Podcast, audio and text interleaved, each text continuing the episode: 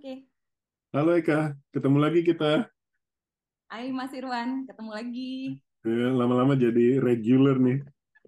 Wah, nggak apa-apa dong. Makasih udah ngajakin aku hadir di ujar pembaca lagi, Mas. Kamu nggak nggak nggak yang resmi-resmi dulu. Hai Oh, teman-teman.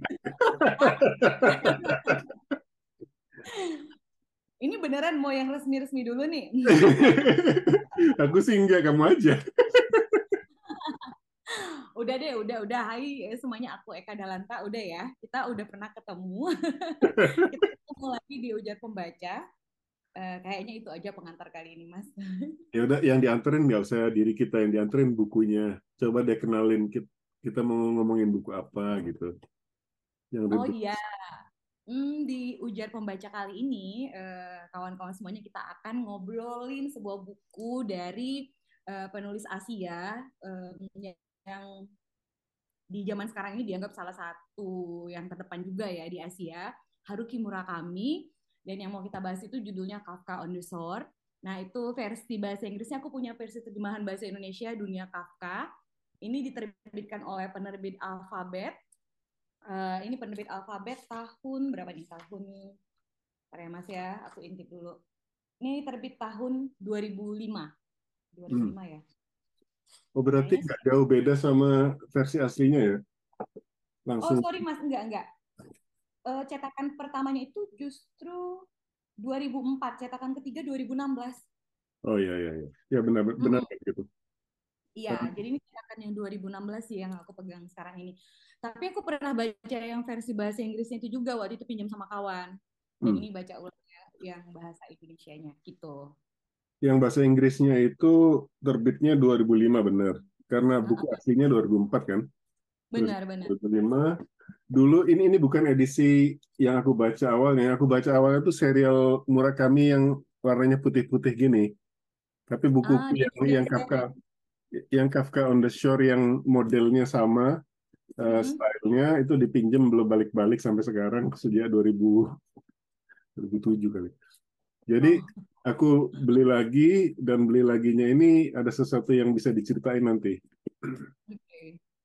Udah banyak ditandain ya, Mas ya? Oh iya, udah ditandain dan ada yang nandain si bapak itu sendiri. Oke. Ntar deh, ntar. Eh, jadi gini, ini sejak mulai bikin podcast kan, ya mau nggak mau kita akan membaca sesuatu yang tidak 100% kita suka. Ataupun ternyata kita kita pikir kita suka, eh, ketika benar-benar membaca lagi nggak semenikmat itu. Tapi Mm-mm. tidak dengan buku ini. Buku ini beneran Oh iya asik ya dan dan selain eh, mengulangi keasikan membaca pertama dulu yang sudah mulai lupa-lupa juga, ternyata ada sisi-sisi lain yang kita kita ketika kita lihat lagi sekarang itu wow, he does it so early. Nanti aku aku kasih tahu itu apa. Kalau menurut Eka sendiri kesan ini membaca keberapa kali? Aku ini mungkin yang ketiga ya, karena yang Inggris sekali, yang ini udah pernah baca sekali, ini baca ulang ulang lagi, berarti mungkin yang ketiga nih kayaknya Mas. Hmm, Mm-mm. Masih Dan enjoy? Iku ya masih masih enjoy, masih enjoy, aku masih suka dan eh, kayaknya ini salah satu karya Murakami yang menurut aku aku juga suka selain Norwegian Wood ya. Karena kalau Norwegian Wood itu mungkin karena itu karya yang pertama aku baca, jadi itu kayak membekas. Cuman eh, sedikit aja sih kalau ketika membaca ulang kan kayak eh, sesuatu yang khas Murakami itu kayak eh, apa ya berulang gitu. Kayak kita udah tahu sebenarnya gitu. Misalnya eh, oh ada kucingnya gitu, ada kucing-kucing, terus oh kayaknya ada dunia paralel paralel gitu. Oh iya dunia paralel lagi. Terus eh, antara mimpi dan kenyataan gitu. Itu juga ada di sini gitu. Terus misalnya eh, karakternya pasti aneh-aneh gitu. Itu juga ada di sini. Dan itu kan kayak eh, ya memang khasnya Murakami gitu. Cuman eh, karena hampir beberapa karya Murakami yang eh, berikut-berikutnya aku baca gitu. Jadi kayak ngerasa eh, mungkin eh, apa ya eh, seorang penulis ya kadang-kadang juga eh, bisa terjebak di situ gitu di, di satu bentuk yang sama gitu ceritanya yang mirip-mirip gitu. Hmm. Eh, atau mungkin itu jadi ciri khasnya dia gitu itu bisa jadi yang seperti itu. Tapi secara keseluruhan aku mas- masih sangat menikmatinya walaupun eh, aku tahu bagian-bagian itu akan ada gitu. Uh, tapi ini yang ketiga kali baca tetap merasa asik, tetap merasa menyenangkan gitu. Dan bahkan kadang-kadang kayak Mas Irwan uh, bilang uh, bilang tadi ya, kayaknya kemarin waktu baca yang pertama aku nggak nangkep yang ini ya gitu. Atau atau atau karena sudah lupa, udah lama gitu kan ya. Pas baca oh ternyata kayak gini ya. Um, uh, seperti ini ya gitu. Mungkin ada bagian-bagian yang seperti itu ya, yang kayak diingat kembali dan tetap aja sih luar biasa. Ya, ada periode yang aku beneran kayak uh, ngikutin Murakami secara dekat karena tiba hmm. ya waktu itu mungkin sedang ngefans banget di awal-awal di pertengahan 2000-an waktu itu sedang ngerjain tesis, lagi masih mahasiswa gitu kan. Dan uh, yang menyenangkan buat Murakami bagiku Murakami itu adalah kesederhanaan tema uh, bahasanya. Jadi ya. enak gitu loh diikutin, kita nggak ngoyo, kita nggak nggak ada pretensi untuk merasa sophisticated atau apa dan uh, daya tarik utamanya adalah ceritanya jadi kalau kita ingat dulu waktu kecil didongengin sama nenek atau didongengin sama orang tua gitu ya kita kan nggak mikirin styling waktu kecil itu kita mikirin oh ceritanya menarik aku pengen tahu apa yang terjadi selanjutnya dan ke kenikmatan semacam itu yang aku dapatkan dengan membaca Murakami Iya. Jadi waktu sama mungkin iya mas ya. Oh ya lanjut dulu. Gimana gimana? Nggak sama ini mungkin ya karena Murakami Asia ya. Uh, dan kita Indonesia juga Asia gitu kayak uh, apa ya deket aja sih terasa tema-tema tema-tema yang diangkat gitu atau mungkin uh, cara berceritanya gitu ya uh, gampang saja kita pahami gitu walaupun dia tetap masuk ke dunia modern tapi unsur kebudayaannya itu yang uh, terasa sangat Asia itu ya tetap aja gampang kita uh, maknai dan masuk ke diri kita gitu. Aku selaku pembaca yang pura kami ngerasa deket gitu dengan ceritanya itu gitu. Ngerasa gampang aja masuk semuanya itu gitu. Cara dia bercerita yang uh, seperti Mas Irwan bilang sederhana gitu ya. Nggak harus maksa yang seperti gimana, uh, tapi tetap aja punya muatan-muatan uh, karena kan Murakami juga terinfluence oleh beberapa uh, penulis atau uh, filsuf gitu. Itu tetap dia masukkan kan dalam tulisannya. Tapi dia masukkan itu juga tetap bisa kita nggak ngerasa uh, apa ya nggak ngerasa bosen juga gitu oh ya seperti ini gitu tapi aku lebih percaya bahwa ada universalitas storytelling penceritaan membuat cerita karena aku nggak merasa aku nggak merasa sama sekali Murakami itu Asia atau ketika membaca Murakami aku tidak identify keasiaanku dengan keasiaannya dia. Itu yang pertama. Dan kadang-kadang penulis Indonesia sendiri pun bisa terasa sangat jauh dari diri kita walaupun udah jelas-jelas kita sama-sama dari negara yang sama gitu loh. Jadi ya. aku lebih ngelihatnya lebih luas dari itu. Dan terutama juga ketika aku bawa buku aku biasalah kita kan flexing pembaca buku itu udah kebiasaan flexing dari dulu ya. Jadi mau flexing ya? Biar aku flexing nih buku-buku Murakami. Jadi aku mau cerita flexingnya begini waktu aku kerja di kantor pos, aku nenteng buku nih. Jadi pas aku kerja di kantor pos kan aku pikir ah, orang kerja di kantor pos kerjaan kasar nggak nggak suka baca ya. Jadi aku taruh di situ langsung ah, orang-orang yang di sekitar oh Haruki Murakami orang Nore semua nih Haruki hmm. Murakami Haruki jadi aku merasa appeal-nya Murakami itu universal jadi yeah, yeah. Eh, apa namanya si Eh, dan mereka juga bilang hal yang sama oh ceritanya mudah diikuti dan ceritanya itu magical ya seperti anak-anak tadi. Anak-anak itu kalau dikasih tahu oh ya ada gajah warna hijau gitu kan. Hmm. itu lebih menarik daripada sekedar oh berpikir yang dalam-dalam atau yang berat-berat gitu yang istilahnya kita istilahnya berat-berat. Eh jadi kalau mau flexing ayo monggo. Aku flexing apa ya? Ada kalau suruh uh, Sukuru Tazaki ini terbitan apa nih? Wait, wait, wait. Uh, Harville Secker, London. Ya, aku udah baca juga itu. Dan itu uh, tidak tidak terlalu memorable buat aku. Aku lupa sama sekali. uh, tentu saja ya, yang paling fenomenal juga ya. Satu Q84. Iya, itu masih. juga. Itu masih janji-janji palsu buat aku. ini uh, kronik burung pegas yang mana nih? Kronik burung pegas ini kalau bahasa Inggrisnya itu Oh, uh, Blinded Bird Chronicle apa itu ya? Ya, ya benar Mas. Uh, apa sih ini bahasa? Ini dari bahasa Jepang ya. Neji Makidori Kuron Kuro Kuronikuru. ini itu diterjemahin langsung dari bahasa Jepang? Iya, benar dari bahasa Jepang. Wind Up Bird Chronicle, ya. Ya, Tebel banget ya. Seingatku Wind Up Bird Chronicle itu nggak setebal itu. di Indonesia diterjemahkan jadi tebel nih mas, tebel Hmm, banget malah. mungkin aku salah ingat. Hmm, mm, Ini penerjemahnya Ibu Rebecca Ota. hmm. Ini yang tadi ya bahasa Indonesia terjemahan bahasa Indonesia Sukuru Tazaki tadi nih, Iya. yang bahasa Inggris yang ini bahasa Indonesia. Ini aku belum baca nih, udah pernah dibahas ya, eh, Killing Commendatore aku belum Oh, yang bahas Lita sama Abdika kayaknya. ya, aku belum baca tapi udah punya ininya bukunya. Jadi kamu punya lengkap ya, Ika? Lumayan mas, ini apalagi nih? Dengarlah nyanyian angin, terus ada When I Talk About When I Talk About Running, nah, itu juga, terus eh, Kalau itu aku punya. When I Ah, punya What I talk about when I talk about running. Ya What I Talk When I I Talk About Running, ya itu itu dia. Terus singular person, terus eh, laki-laki tanpa perempuan, nah, itu dia. Ya, ya, aku aku punya juga tuh kayaknya.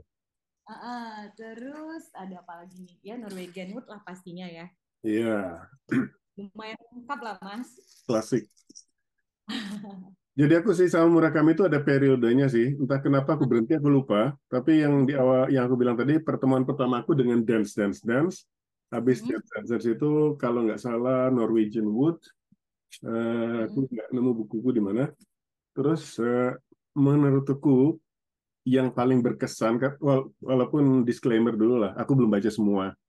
Tapi dari semua yang aku baca, yang paling berkesan itu adalah Kafka on the Shore. Sure. Hmm. Karena ada waktu itu juga mungkin lagi snob-snobnya, oh mau senang-senang Kafka, oh ini ada Kafkanya nih. Masih Git, Kafka masih Git. Eh, Tahu masih Git, masih Git Susanto kan? Iya tahu tahu mas Iya. yang menulis buku apa menelusuri lorong-lorong dunia yang dia juga eh, apa ya berkunjung ke rumah Kafka ke berbagai penulis-penulis ya Ya dia dia penggemar militan Kafka. Jadi benar-benar mm, aku utang sama dia mau membahas Kafka someday. oh Jadi yang menarik, mari kita eh, ke buku ini. Buku ini ceritanya tentang seorang anak yang namanya Kafka Tamura yang suatu hari memutuskan untuk melarikan diri dari rumah. kabur Mm-mm. Iya, terus eh, itu membuat ya jadi sense awalnya tuh kayak petualangan dan waktu itu aku masih seneng-senengnya baca petualangan kayak Lima Sekawan dan sebagainya itu wah ini asik nih.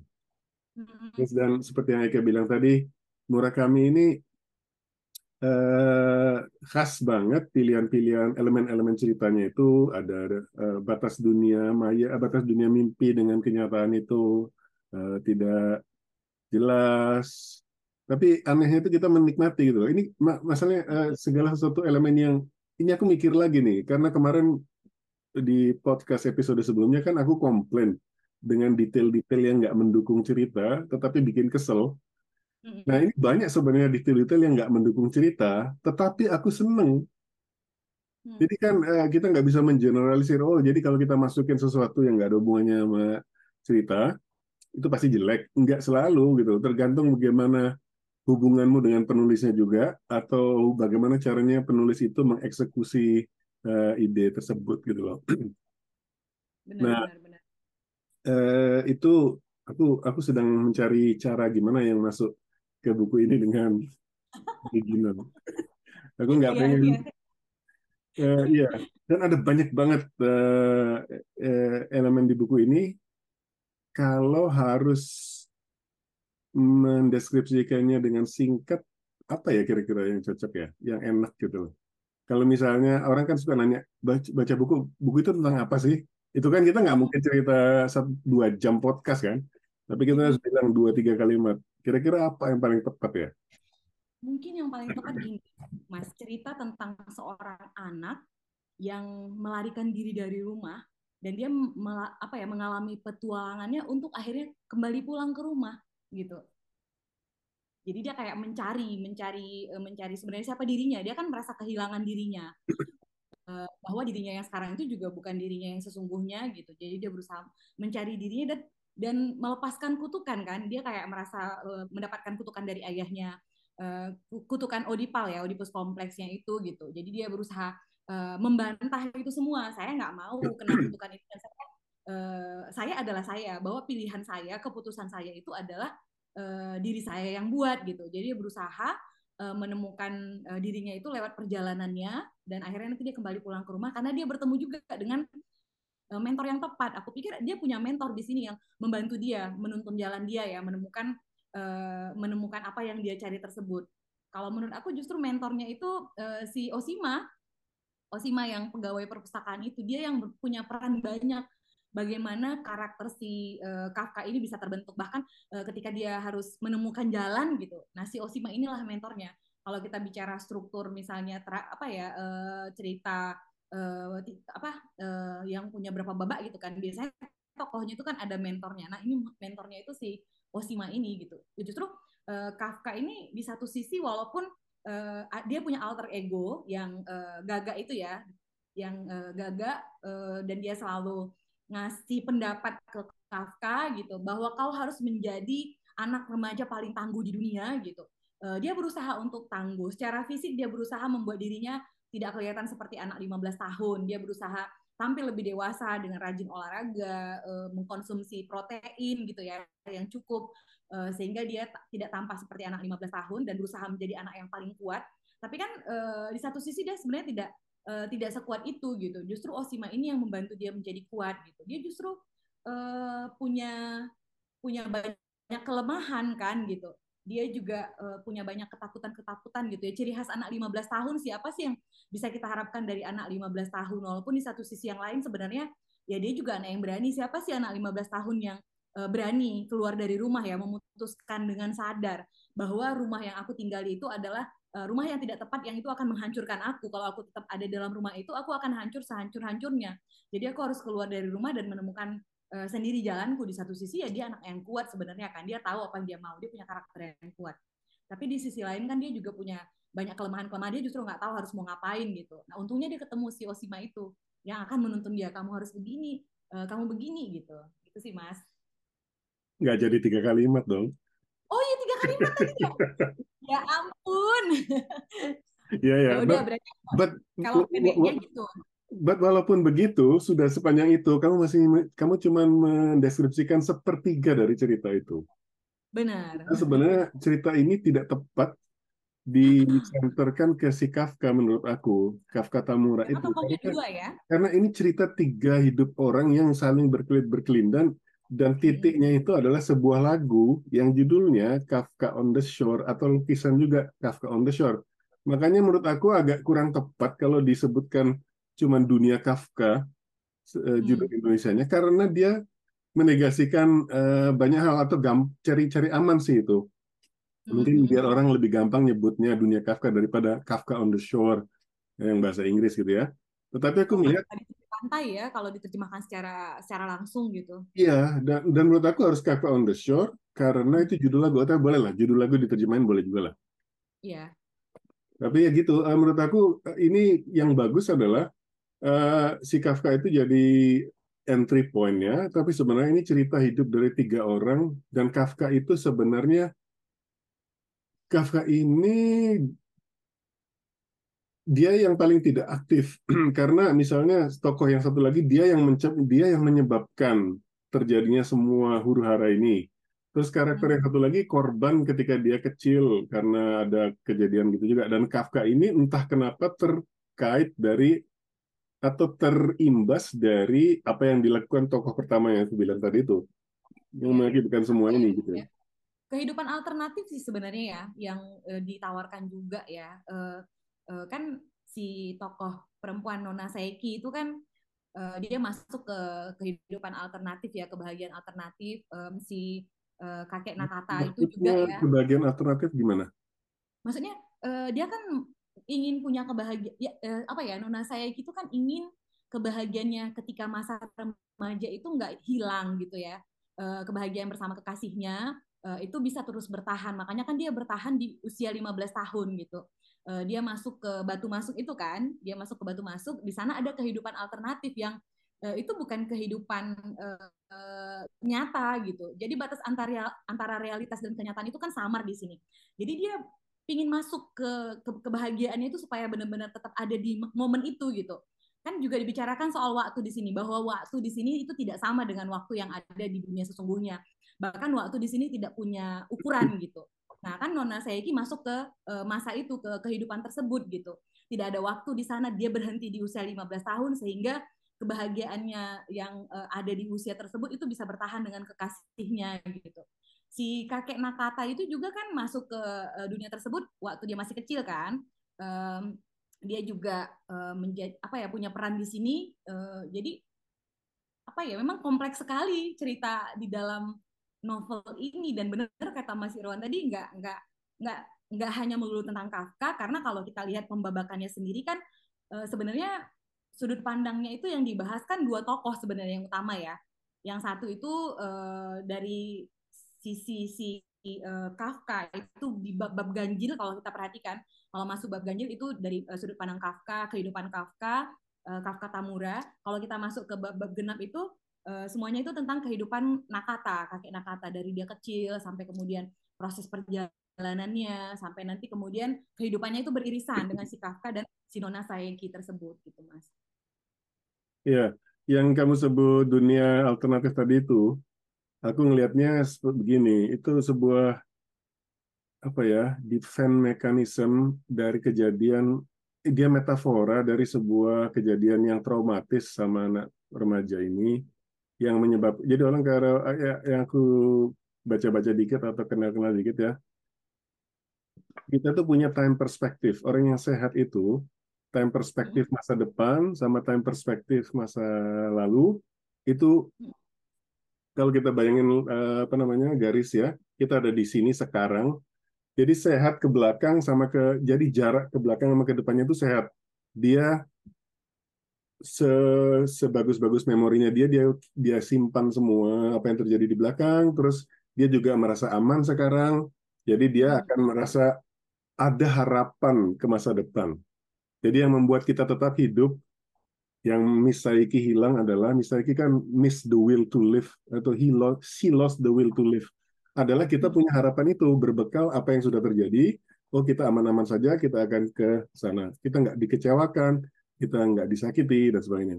Tapi orang yang mengalami kejadian traumatis itu either memblok eh, apa yang terjadi di belakang atau dia ngeblok apa yang akan terjadi keluar. Karena dia merasa misalnya oh ada kejadian traumatis di situ saya nggak mau ingat-ingat lagi karena kalau saya ingat rusak semua sense of security hilang dan sebagainya. Maka di blok kadang-kadang dia nggak ingat uh, mungkin to some extreme dia akan kehilangan identitasnya atau merubah menjadi identitas lain. Atau mungkin seperti yang dilakukan si Kafka Tamura ini dia mengubah namanya karena dia merasa uh, nggak enak di dengan identitas awalnya itu. Itu itu satu. Tapi yang ke ke Misaiki dengan dunia alternatif yang bilang tadi menurut aku dia ngeblok itu. Dia ngeblok masa depan jadi dia stay di tempat itu, tetapi Murakami kan nggak ngomong secara akademis. Kami eh, Murakami menggunakan metafora eh, dunia yang pintunya dia buka itu gitu loh. Ya, pintu masuk ya. Apa pintu masuk? Pintu masuk. Jadi yang bagus dari buku ini kalau kita mencoba menjelaskan sedikit lagi, ini cerita yang semi semi apa ya masa magis enggak lah ya enggak magis tapi ya eh, agak-agak semi dongeng yang digabungkan dengan fantasi ya. Eh, ya mungkin juga fantasi ya tetapi ya susah sih ngomongnya. Nikmati aja. Terus yang yang orang sebagian mas. Kenapa? Sebagian menyebutnya realisme magis. Magical reality kayak si siapa itu? Gabo. Gabo. I don't think so. Mm-hmm. Ya nggak tahu lah, aku, aku agak lupa sih sama gabung. Mm-hmm. Tapi aku yang aku suka adalah uh, Murakami ini meramu uh, itu semua device-device caranya menceritain aja. Jadi dia meramu kisah ini ada anak yang punya uh, masa si Kafka Tamura ini punya masalahnya sendiri, Misaki punya masalahnya sendiri, si Nakata itu sebenarnya lebih me, lebih ngelem dua orang ini sebenarnya karena masalah utama itu menurut aku antara si uh, Misaki dengan uh, si Kafka si ya. Nakata ini adalah alat untuk menggabungkan mereka berdua medium ya, medium untuk menghubungkan medium mereka, mereka ya. berdua ya. Jadi si Kafka ini anak yang merasa ditinggal ibunya. Nah ini ini satu lagi uh, ditinggal ibunya, jadi dia abandonment issue itu metaforanya. Kalau mau cari literatur literatur psikologi soal abandonment issue itu it's a serious thing. Jadi tidak Hmm. hanya kamu secara fisik ditinggal, uh, terus kebut kalau kebutuhan hidupmu dikasih, walaupun kebutuhan fisik dikasih, rasa ditinggal itu Hmm. akan menggerus hatimu sepanjang hidupmu gitu. Abandonment issue dan itu yang dialami si Kafka kan. Nah, Perasaan tertolak ya Mas ya, kayak ditolak, kayak dibuang gitu kan. perasaan dicampakkan, iya. Iya. Perasaan dicampakkan bahwa walaupun dia sebenarnya nggak ketemu ibunya itu nggak nggak merasakan peristiwa mencampakkan itu, tapi dia langsung dikasih ke itu. Tapi begitu dia dikasih tahu akan ada rasa itu, oh apakah saya tidak layak dicintai sampai kamu harus menolak saya gitu loh. Itu yang dia Hmm. cari ke ibunya.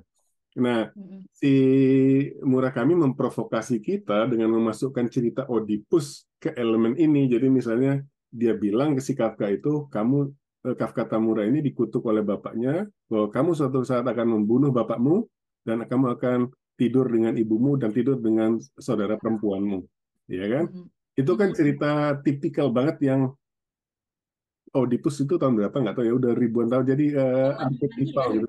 Nah dimasukin ke situ gitu loh. Benar. Nah, sementara Miss Saiki di sisi yang lain, dia adalah eh, waktu dia masih umur 15, masih remaja, dia punya pacar yang jatuh cinta banget, sampai akhirnya pacar itu meninggal dengan tragis, Hmm. dan dia nggak bisa move on. Dia dia mutung lah, dia patah arang dengan hidup ini, jadi dia merasa hidup hidupnya hanya di situ. Saya, saya tidak akan bisa bahagia lagi. Hmm. Nah, somehow dengan Oedipus Oedipus Oedipus kompleks tadi dari si Kafka bisa dikaitin sama Miss Psyche. Itu yang menurut aku menariknya atau kemagicalnya tangan si Murakami sih. Gitu. Hmm. Hmm.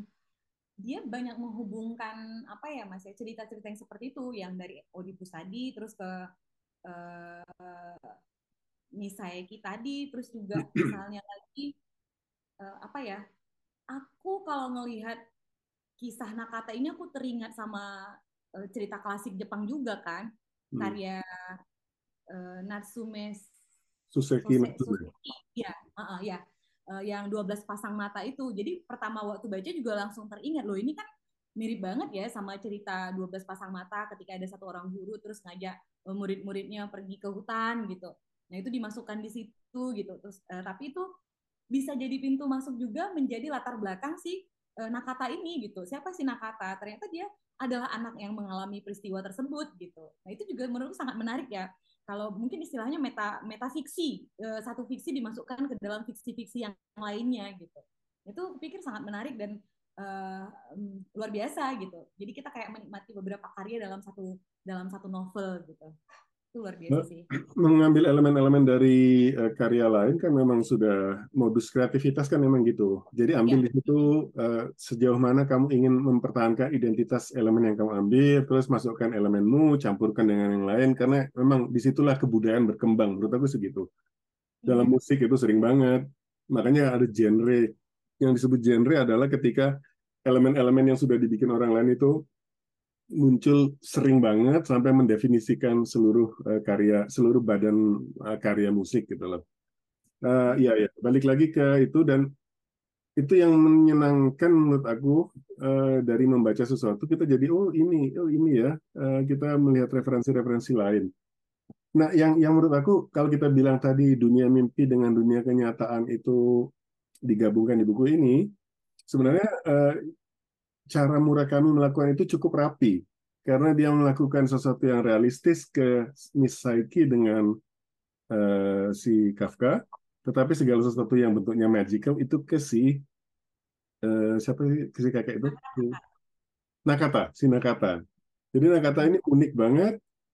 Dia udah tua, terus eh, agak terbelakang mungkin dia nggak bisa baca terus dia ngomongnya juga kayak anak kecil kan selalu menyebut dirinya dengan nakata dengan orang ketiga gitu kan nakata doesn't know this doesn't know that gitu kan terus dia bisa ngomong sama kucing Hmm. dia punya hidupnya simple banget menurunkan menurunkan hujan lintah. Iya, dia bisa menurunkan hujan lintah, menurunkan uh, hujan-hujan yang lain. Iya, iya, ikan-ikan makarel. Jadi uh, di blurbnya ini menurut aku menarik sih. Blurbnya bilang uh, metaphysical mind bender. Ya, nggak tahu juga kenapa sih. Tapi ya, ya itu. Dan mengikuti Nakata dikasih uh, historinya sedikit. Ada yang nggak disebutin secara langsung sih sebenarnya. Uh, ada murid-murid yang kena radiasi atau apa nggak tahu lah ya. Itu radiasi atau apa yang di dalam hutan itu? Nggak jelas juga ya mas ya. Nggak jelas juga. Uh, tapi si Nakata salah satu dari anak-anak yang menjadi korban itu dan menurut laporan-laporan medis siapa tuh agen Amerika atau apa gitu CIA kalau nggak salah ya. Jadi uh, kejadian itu membuat si Nakata ini berubah. Jadi Nakata ini bisa merefer ke kejadian itu. Oh itu saatnya saya pertama kali mulai menjadi kehilangan diri saya, bayangan saya tinggal separuh. Terus saya mulai bisa ngomong sama kucing dan sebagainya gitu menarik sih menurut aku. Tapi sampai kemudian si Hosino juga ngomong bisa ngomong sama kucing itu juga menarik ya Mas ya. Tiba-tiba si Hosino itu bisa ngomong sama kucing, bisa uh, apa ya? Uh, berubah gitu. Itu juga menurutku magical juga gitu. Uh, dia juga sosok yang awalnya tidak tidak tidak ada dalam cerita dari bagian awal ya, tapi ketika di perjalanan uh, dalam proses si Nakata untuk menemukan uh, Miseki gitu ya. Dia bertemu dengan uh, si Hosino, si Hosino tadi ya, si Hosino dan uh, itu kayak menurut mereka kan ya sudah uh, seharusnya terjadi gitu bahwa memang uh, perjalanannya si Nakata seperti apa gitu, yaitu uh, uh, seperti yang seharusnya terjadi. Bahkan dia juga nggak tahu kan mau ngapain gitu. Saya mau ngapain? Ya saya nggak tahu. Nakata nggak tahu Nakata akan tahu nanti ketika Nakata sudah sampai di sana. Nakata akan tahu ketika memang sudah waktunya Nakata akan uh, uh, apa ya melakukan itu gitu. Itu juga menurutku bagian dari metafisika itu tadi semua gitu. Sesuatu yang sebenarnya nggak bisa juga kita logikakan gitu. Ya, kalau mau, mau, mau memasukkan Hosino ke dalam konteks, mari kita mundur sebentar karena Hosino itu ada di babak ketika sudah mulai huru hara ini. Jadi ya, uh, spoiler alert, baca dulu, berhenti di sini kalau mau baca. Kalau senang di spoiler, ayo. Uh, jadi si si Kafka melarikan diri, uh, terus somehow dia tertarik end up di perpustakaan tempat Misaki bekerja di Komura Personal Library itu. Habis itu Misaki sendiri uh, mulai ya jadi dia mulai sudah mulai tertarik sama atau atau ada mulai ketertarikan di situ. Tapi turning pointnya adalah ketika Nakata membunuh Johnny Walker. Jadi Nakata ini kan sebenarnya baik-baik aja. Di dia mendapatkan subsidi dari pemerintah hidupnya biasa-biasa aja. Dia simple bahagia itu sederhana lah bla bla bla. Terus suatu kali untuk tambah untuk dapat dapat tambahan uang dia mendapatkan uh, komisi dari orang untuk nyariin kucing yang hilang. Nah, tetapi hmm. ketika dia sedang dalam misi mencari kucing si Goma itu, dia ngobrol sama kucing-kucing yang lain, dia kenalan nama tiga kucing yang gue lupa namanya. Tuan ya. Kawamuhal, uh, Mimi. Iya, si Mimi dan sebagainya. Dan eh, menurut aku tuh bagus dia kasih nama satu-satu, jadi kita kenal dan hmm. kucing-kucing ini yang akan dibantai nanti itu yang membuat Lita tidak mau baca buku ini kan karena ada pembantaian kucing dan aku dan itu terjadi cukup awal dan uh, menurut aku perlu itu dilakukan supaya ada alasan untuk membunuh Johnny Walker. Betul. Uh -uh. Jadi awalnya aku pikir ah, ini kan bakal senseless aja untuk uh, ngapain sih sampai uh, sedetil itu mentorture kucing sampai membunuh dan mentorture kucing kan menyiksa jadi ya, ya menurut aku uh, in the end, it, kalau itu nggak dilakukan, adegan pembunuhan tidak akan terjadi, maka seluruh huru hara itu tidak akan terjadi gitu loh. Mm-hmm. Jadi ketika udah benci banget sama si Johnny Walker, aku benci banget waktu baca waktu baca itu kan. Johnny Walker ini adalah seorang tokoh magical yang sangat aneh yang nggak dijelaskan originnya, tetapi dia punya misi mengumpulkan jiwa-jiwa kucing-kucing itu untuk membuat seruling ajaib gitu kan. Dan somehow bertemu dengan Nakata karena Nakata mendapat tips sana sini ketika dia menyelidiki cerita bahwa Goma kucing yang sedang dia cari keberadaannya itu ada di tempat Johnny Walker. Ternyata memang ditangkap oleh Johnny Walker. Mungkin Johnny Walker ini sengaja ya mancing-mancing si Goma karena dia pengen men-trigger segala huru hara itu dengan pembunuhan tadi kan. Dan sebenarnya uh, itu juga tujuannya si Johnny Walker kan supaya Nakata membunuh dia gitu. Dia memang berharap Nakata membunuh dia dan uh, itu jadi di bagian akhir ya Mas ya. Di bagian akhir itu kan itu jadi pintu masuk juga buat si uh, Johnny Walker melalui Nakata untuk menyempurnakan surulingnya itu kan sebenarnya gitu. Jadi dia masuk ke dalam perencanaan itu bener-bener brengsek sih si Johnny Walker itu dan anehnya aku nggak tahu ya mas ya kenapa uh, Murakami mengambil dua sosok yang dua sosok ikonik itu masuk ke dalam ceritanya ini. Yang pertama itu Johnny Walker yang kedua itu Colonel Sanders. Sanders ya iya Colonel Sanders itu kenapa gitu harus dua sosok ini? Apakah ini uh, menyimbolkan apa ya kapitalisme kah atau apakah gitu ya? Nggak tahu juga. Nah ini aku sih, uh, aku merasa mulai kami nggak serius-serius itu.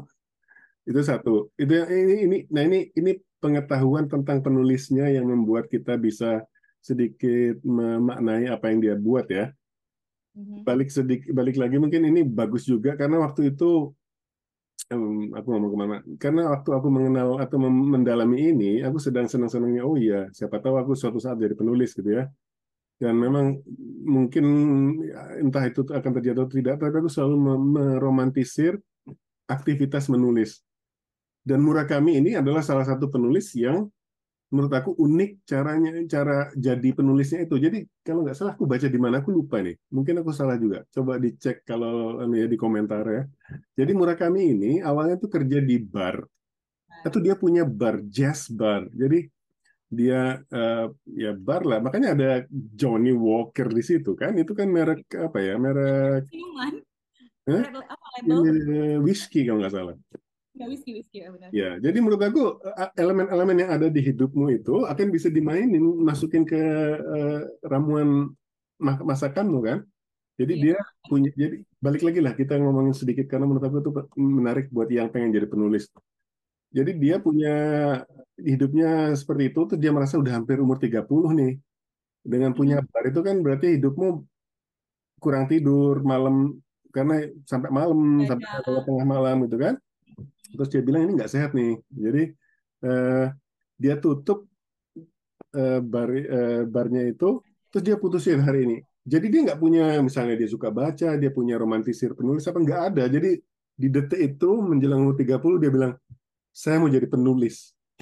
Nah, aku melihat oh ini etos kerja Jepang lagi kali ya. Jadi kalau kamu sudah memutuskan sesuatu, kamu melakukannya secara totalitas gitu loh. Jadi dia berarti saya nggak punya sumber income lagi dengan dari bar saya.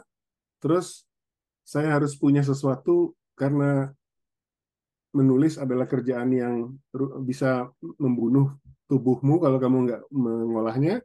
Habis itu dia gabungkan dengan berlari. Ya. Jadi makanya dia punya buku When I Talk About Running itu karena dia akhirnya melakukan ini semacam meditasi gitu. Jadi untuk melatih badannya akhirnya dia uh, menulis sambil melatih badannya dan dia melakukannya dengan religious in a way.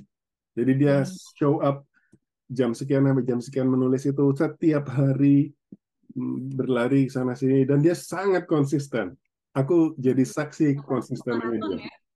Mm-hmm. Oh, gimana aku jadi saksi konsistennya dia? Dia ke Oslo tahun 2010. Makanya dia dia itu superstar di Oslo. Makanya aku bilang tadi dia tuh universal. Jadi aku kan mendapatkan buku dengan tanda tangan Murakami. Mm-hmm. Nah, jadi dia di, dia diundang ke Oslo mau ceramah di mana-mana di Literatur House salah satu ceramahnya itu. Dan uh, waktu itu aku beli tiket nih literatur house itu punya jadi gedung satu gedung gitu ada ruang utama ada ruang-ruang di atasnya gitu kan aku pikir ya udahlah nggak pernah lah ada cerita seperti konser Metallica yang tiketnya habis jadi aku nggak buru-buru beli tiket iya iya dan how wrong I was jadi hari H aku udah nggak punya tiket itu Uh, jadi bentuknya rumah gitu lah ya. Uh, ruang utamanya ada di dalam situ. Antri ngular sampai keluar sampai ke jalanan. Wow, wow. Dan itu untuk penulis loh ya. Habis wow. itu. Akhirnya aku nggak dapat duduk di ruang utama. Aku harus duduk di ruang atas yang di seri eh, di pakai kam, pakai kamera aja gitu. Ya udahlah. Hmm. Itu betapa tenornya dia. Nah, hmm. selama dia tinggal di Oslo, jadi sekitar semingguan itu dia ditaruh di hotel di dekat Istana Raja. Di dekat Istana Raja itu ada kebun yang luas banget, uh, Eka. Mm-hmm. Nah di kebun itu banyak orang piknik atau olahraga gitu kan. Nah si Murakami ini kelihatan setiap hari dia lari, setiap pagi dia lari. Jadi itu masuk ke koran gitu. Orang ini konsisten banget. Tiba-tiba ada orang Jepang kecil tiap hari lari gitu kan. That's how consistent he is. Dia dan dia juga nggak suka ketemu orang kan ya. Jadi dia nggak mau signing di depan orangnya langsung. Jadi buku ini uh, dia signing pre-sign, jadi ditaruh di uh, tumpukan aja ini udah desain gitu. Hmm. Nah itu yang aku uh, pada saat itu aku udah mulai tahu lah gimana kebiasaan dia gitu kan. Dia nggak punya anak juga. Dia uh, dia choose child free kan. Ya. Uh -uh. Kamu baca buku baca informasi ini di buku yang mana ya? Ingat nggak? What I talk when I talk about running. Ya di situ yeah. semua mas. Benar yes. di situ semua. Okay, okay. Hmm. Termasuk keputusannya nggak punya anak di situ juga. Uh, hmm. Dia juga buka cafe Jack itu juga di situ. Alasan dia kenapa dia lari itu juga ada di situ. Bagaimana dia lari itu juga di situ. Itu aku juga uh, suka sama bukunya yang itu non fiksinya yang What I Talk When I Talk About Running itu keren. Inspirasi banget buat calon-calon penulis? Iya, jadi misalnya, jadi misalnya aku pernah baca ya penulis itu harus tortured soul apa supaya karya-karyanya itu berdarah-darah gitu. Enggak juga. Mereka ini hidupnya lempeng, jadi nggak ada nggak ada pain di situ ya. Jadi dia beneran stabil di negara yang maju, jadi punya income tetap. Tapi tiba-tiba oke, okay, saya mau kreatif. Jadi di situ uh, menunjukkan sisi lain. Oh, bahwa kepenulisan itu tidak harus selalu dramatis juga gitu dan dia konsisten untuk melahirkan untuk melakukan dia dia, dia sistematis banget. Dia bilang harus uh, jam berapa pakai uh, kertas jenis apa kayak gitu gitu lah benar dan balik lagi ke buku Kafka tadi setelah Sinakata membunuh Johnny Walker dia harus dia tergerak lah. Dia dengan mimpi-mimpinya oh dia harus menyeberangi jembatan besar bla bla bla Nah, sepanjang perjalanan itu sebagai orang buta huruf, dia kan butuh teman, butuh penolong. Nah, penolong yang paling ketika dia ketemu Hoshino, aku lupa ketemu Hoshino di mana ya? Kayaknya ketemu di tempat makan. Waktu dia mencari tumpangan juga, Mas ya? Iya, iya. Nah, hmm. ketika sudah bagian Hoshino, aku langsung ngerasa, oh ini Murakami Murakami mengekspresikan dirinya banyak banget lewat Hoshino. Setuju nggak? Hmm. Kenapa gitu Mas? Kenapa? Kenapa? Yang pertama, Murakami itu hmm. suka musik klasik. Jadi okay. ada bukunya uh, yang menceritakan uh, dia suka musik klasik dan suka musik jazz. Jadi aku terus terang sedikit terhasut mendengar jazz, terutama oh ambil album ini, ambil album ini uh, klasik juga dari dia, dari Murakami ini. Bahkan Mas, kalau kita cari di Spotify itu udah ada langsung playlist Yes. Harus kami ada playlist Kafka on the Shore juga ada, playlist Norwegian Wood juga sudah ada. Jadi semua lagu-lagu klasik itu tinggal dengerin aja di situ. Dan aku melakukannya juga. Exactly.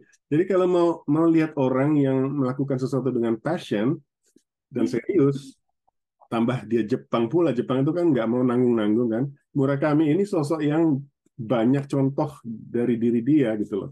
Yang pertama contoh dia tentang musik. Jadi uh, dia kan nggak salah dia punya semacam ritual untuk dengerin musik kan dia punya uh, apa tuh namanya piringan pemutar piringan hitam. Habis itu dia punya koleksi macam-macam buku, uh, macam-macam plat, album. Terus di sini di buku yang aku bilang tadi ini dia menginterview Seiji Ozawa, seorang komposer atau pemusik terkenal di Jepang. Dan di situ banyak banget dia ngomong tentang musik. Dan caranya dia ngomong tentang musik itu tidak superficial. Dia beneran riset, beneran mengulik macam-macam musik itu. Dan menurut aku Hoshino kan tertarik sama Beethoven, Art Duk Trio, terus uh, it's Murakami. Aku ngeliat ini corongnya Murakami nih. Mhm. Walaupun itu nggak sengaja juga ya, eh, karena si siapa tadi namanya Hoshino itu kan nggak sengaja duduk di kedai kopi, terus dia dengarkan gitu dan eh, dia seorang supir truk ya, supir truk yang eh, dulu mantan tentara. Jadi sebenarnya hal-hal seperti itu kan sangat jauh dari dirinya yang kasar gitu ya. Itu stereotip kan? Itu stereotip. Dan menurut aku Murakami eh, Hmm, sengaja gitu loh. Iya. ya benar, benar. Jadi ditampilkan ya ternyata eh, orang-orang seperti Hoshino juga bisa kok ya eh, menikmati musik klasik eh, Archduke Trio itu gitu ya. Beethoven dia bisa dengerin waktu dia dengerin di kedai kopi itu eh, dia pertama ya apa sih nggak ngerti gitu tapi begitu mendengar kedua kok kayaknya masuk ke dalam jiwa gitu kayaknya eh, apa ya bisa diresapin gitu ya ternyata semua orang bisa gitu menarik sih mas Aku nggak, aku tuh ngomongin Hoshino itu ya, ya terus terang itu itu jelas sengaja. Murakami jelas sengaja. Tetapi kita juga langsung merefleksi ke diri kita. Oh, kita langsung, oh kita stereotip banget nih. Ternyata kalau sopir truk nggak boleh, nggak bisa menikmati musik klasik. Lah itu kan itu itu itu kita. Itu di stereotip di pikiran kita. Tetapi juga yang aku lihat dari Hoshino pertemuannya dengan si Murakami, eh si Nakata, menurut aku Hoshino ini masih muda kan, jadi dia belum bukan stereotip mungkin supir truk sepanjang hidupnya, enggak juga. Jadi dia masih masih masih nyari-nyari juga. ya 30-an awal Iya, 30-an awal ya, bukan 25 iya ya. eh, jadi yang aku lihat adalah pertemuan Hoshino ini awalnya aku pikir cuman tokoh figuran yang nganterin eh, si Nakata dari satu tempat ke tempat lain. Ternyata dia lebih dari itu, plus dia menunjukkan sebuah transformasi gitu. Ketika menemukan Hoshino, oh iya ya hidup kita ini hidup itu bisa menarik ya. Yang pertama dia kasihan. Yang pertama eh, karena ini orang udah tua, nggak bisa baca, tetapi kakeknya tetapi dia fascinated juga. Oh, enak ya sama orang ini ya. Karena tiba-tiba hidupmu itu nggak predictable. Hidupmu itu nggak sekedar, oke kita bunuh waktu saja. Hidup itu tidak sekedar membunuh waktu. Itu pesan penting tuh. Hidup itu ada yang ada misteri gitu. Jadi dia mendapat sense of uh, adventure, uh, sense petualangan dengan si uh, Hoshino, eh si Nakata. Dia juga mendapatkan sense of mission. Jadi hidup ini perlu uh, semacam sense untuk apa sih tujuan kita, apa yang diperjuangkan gitu kan. Nah, sepanjang dia jalan itu dia reflektif banget. Dia ketemu Kolonel Sanders, habis itu dia dikasih cewek yang eh, cewek sem- apa ya pelacur tapi ngomongnya filsafat. Iya kan? Hegel ya Itu menurut aku lucunya si Murakami nyelipin di situ loh. Ini sedang adegan seks yang panas. Kita akan ngomongin adegan seksnya juga karena adegan seksnya di sini eh, adegan seks itu sesuatu yang tricky buat penulis. Kamu bisa merusak karyamu karena ceritanya jadi klise atau dia menambahkan sesuatu di situ kan. Tetapi ya, balik lagi ke soal filsafat ini, saat dia sedang melakukan eh, saat sedang adegan seks itu tiba-tiba muncul Hegel atau siapa gitu ya. ya Hegel mas Hegel Heidegger atau apa. Wow, oke. Dan itu membuat si Hoshino menjadi agak-agak kayak krisis eksistensialis gitu. Apa hidupku selama ini udah ngapain aja gitu ya. That's funny. Mm-mm. Aku juga ketawa banget waktu baca itu ya. Ini eh, Murakami ben- beneran deh ya. eh, apa ya segokil itu bisa masukin adegan-adegan seperti ini gitu. Jadi adegan eh, adegan apa ya adegan seksualitas itu buat kita mm, aku nggak nangkapnya itu kayak sesuatu yang sangat porno gitu enggak gitu. Justru ada ada ada unsur-unsur yang dia masukin dan kita tetap nangkap pesan-pesannya itu gitu. Justru ya humornya juga ada di situ gitu. Menyenangkan sih. Dan menurut aku, aku baca di mana ya bahwa adegan seks itu adalah adegan yang sulit buat penulis untuk atau bukan sulit atau tricky. Hmm. Nggak semua penulis selalu sukses untuk mencerminkan itu gitu loh. Karena akan ada kata-kata yang sudah sangat sering dipakai, yang klise. Jadi kalau itu muncul di satu karya, ngapain sih satu karya jadi jorok gitu kan? Dan orang punya seks itu sesuatu yang eh, setiap orang punya prejudisnya sendiri-sendiri, a set of prejudice based berbasis apa pengalaman hidupnya atau upbringingnya gimana dia dibesarkan atau filosofi hidupnya dan sebagainya itu kan Mm-mm. tapi kalau dia dilakukan dengan sukses dia bisa evoking lots of thing in you not only the sexual part. Kalau ada teks yang bisa membuat kamu terangsang menurut aku itu jago banget kan? Tapi juga Betul. nggak secara pornografis terus merangsang hal-hal yang lain selain dari seksual kita juga. Dan aku jadi sejak sejak dengerin diskusi semacam itu tuh aku langsung memperhatikan nih kalau ada kayak baca buku-buku thriller atau buku-buku apa itu kan kadang-kadang ada adegan seksnya kan? Yang kayak di film di film-film. Tapi itu benar-benar pemanis doang. Tidak ada Tempelan aja ya. tidak lebih dari itu nah kalau ada kita ketemu itu di karya sastra kita harus berusaha atau kita cenderung untuk berusaha melihat ada apa ada elemen apa lagi nih yang dia pengen mainin di situ nah adegan-adegan seks di buku ini nggak semua humoris. Jadi misalnya yang sama Miss Saiki itu itu Ya. justru menyentuh, justru sedih gitu kan? Atau dengan yang sama si Sakura ya, si Nah, sisternya itu gitu kan? yang dalam mimpi ya Mas ya? Bukan bukan hanya yang dalam mimpi, yang sebelumnya juga yang ketika dia nginep habis habis yang mimpi membunuh itu kan? Mm-mm. Hmm, Yang baru pertama ketemu itu juga ya. Iya. Mm-mm. Dan di situ juga eh, ada elemen-elemen yang menunjukkan betapa progresifnya society Jepang gitu kan. Jadi dia bilang, oh saya gini gini gini. Jadi coba di aku nggak mau bahas di sini, coba di dilihat di situ kan. Ya tujuannya supaya kamu relax, ka- supaya kamu bisa tidur nyenyak gitu kan ya. Yes, exactly. Sangat tuh. Udah punya banyak beban hari ini, kamu sangat tertekan. Jadi yang kau lakukan ini tujuannya hanya supaya kamu relax gitu. Tidak lebih tidak ada yang sakral di situ gitu. Iya, iya. Iya, menarik. Jadi aku balik lagi ke Hoshino. Hoshino ini waktu kalau kita udah tahu siapa Murakami, aku langsung lihat, oh ini corongnya Murakami nih gitu. Yang pertama tadi musik, yang kedua apa lagi nih Mas? Eh, antara Hoshino dan Musik, filosofi, filosofi. Oke. dan musiknya itu yang paling kental kan. Ada jazz, ada klasik gitu kan. Mhm. Jadi habis itu sepanjang perjalanan si Hoshino beli CD ini Ardu Trio segala macam gitu kan. It changed his life.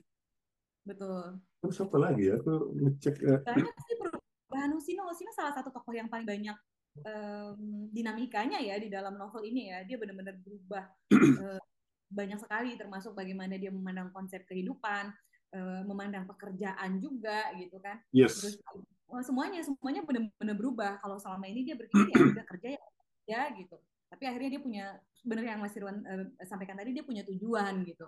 Punya tujuan hidup apa, seperti apa kalau kita punya misi gitu. Bahkan eh, apa ya dia menikmati keajaiban itu ya harus nunggu gitu. Nggak nggak nggak harus misalnya apa ya eh, kita berangkat ke sana terus mau ngapain gitu. Nah itu kan ada kejutan-kejutan dan dia siap dengan semua perubahan-perubahan tersebut gitu. Bahwa nggak nggak semuanya itu harus benar-benar aku lupa kalimatnya tapi ada kalimat kayak gini Eh, tidak punya rencana juga adalah bagian dari sebuah rencana gitu Ya, itu kan juga sebenarnya ya banget. Karena dia bisa ngeliat si Hoshino itu kan, aku ngantuk. Duh, tapi kamu ada misi gini-gini, tapi saya harus tidur dulu. Ya udah tidur aja gitu loh. Jadi ada, ada saat di saat hidup itu bahwa kadang-kadang misalnya apa yang basic needmu itu buat penuhi dulu lah, nggak usah selalu mikirin yang besar-besar, yang penting-penting gitu kan. Oh ya, balik lagi karena di podcast ini belum lama ngomongin sesuatu yang eksistensialis dari siapa itu eh, kamu Danger, ya, terus eh, Sampar kan. Menurut aku dari dari Murakami dari Kafka on the Shore ini eh, tokoh yang paling mengalami proses eksis- krisis eksistensial adalah si Hoshino. Dan itu cukup mengejutkan karena dia sebenarnya tokoh figuran kan. Akhirnya dia menjadi, eh, cukup dibentuk gitu loh di, di karya ini. iya makanya aku bilang dia paling dinamis sekali di sini mas perubahannya itu terasa semuanya Eh, bahkan ya perkembangannya itu benar-benar benar-benar mengejutkan gitu. Dia yang awalnya sama sekali nggak ada dalam dalam radarnya kita pembaca gitu ya kita kan ekspektasinya ini kisahnya. Yang paling menonjol ya kisahnya si Kafka kisahnya si eh, Nakata dan Miseki gitu. Eh ternyata masuk si Hoshino dan ternyata perannya juga sangat besar kan gitu. Nggak hanya eh, apa ya peran figuran yang benar-benar figuran gitu. Tapi dia Mm-mm. menjadi uh, yang sangat penting bahkan menen- menentukan akhir dari cerita ya mas ya dia jadi Exactly. penentu bagaimana ending dari cerita novel ini gitu Setelah sampai ke ending itu aku baru nggak, oh ini kenapa si Hoshino itu di dikasih daging gitu karakternya supaya nggak lewat doang gitu. betul betul Let's go. Yeay. Kita lanjut Lanjut. Iya. eh, aku yang seneng lagi dari, oh iya, ini yang paling obvious sih sebenarnya. Yang minat, bukan cuma minat Murakami yang jazz dan sebagainya tadi, minat pembaca juga secara umum soal buku. Jadi ketika Kafka ini melarikan diri, Mm-mm. dia menghabiskan banyak waktunya di perpustakaan, ya kan? Damn, Benar. good. Dan ini agak paradoks juga ya mas ya karena si Nakata nggak bisa baca gitu Iya, Iya iya. kan? Di satu sisi ada si Kafka yang sangat suka membaca dan dia menghabiskan waktunya di perpustakaan. Ada eh, si Oshima juga yang sangat eh, apa ya suka dengan buku-buku juga, no, Misayaki juga gitu. Sementara di sisi lain ada eh, Nakata yang sama sekali nggak bisa baca, bahkan di akhir hidupnya pun Mas, dia harus bermusuhan dengan kata-kata kan? Dia kan harus memusnahkan dokumen itu.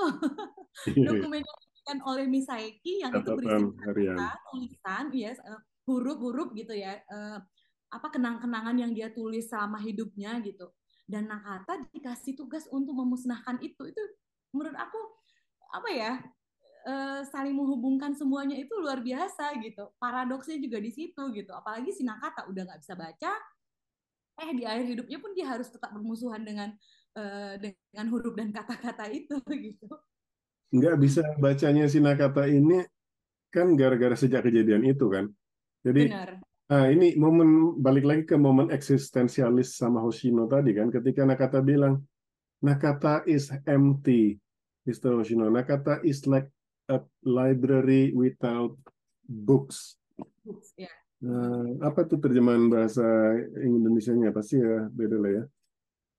Nah jadi jadi adegan itu yang menurut aku eh, pada saat itu Hoshino kan juga reflektif kan. Oh saya ini juga siapa sih saya ini? Enggak mulainya gini. Siapa Nakata? Siapa diri saya gitu kan? That's so existential. Habis itu si Hoshino juga, ya kamu pun yang nggak bisa baca gitu. Saya pun yang bisa baca juga nggak tahu siapa diri saya kan. Nah mulailah eh, eh, attention is paid to the existential issues. Dan si Nakata mulai bilang, oh sejak kejadian itu Nakata tidak merasa menjadi diri saya se- sendiri seperti sebelumnya. Bayangan saya tinggal separuh, saya nggak bisa baca. Terus metafor yang dia bagus, dia bilang itu Nakata is empty like a library without books. Jadi uh, uh, jadi uh, perpustakaan itu di sepanjang karya ini jadi kayak membayang di belakang kita terus. It's there. Bahkan tempat bertemunya ketiga tokoh ini adalah di perpustakaan Komura itu kan.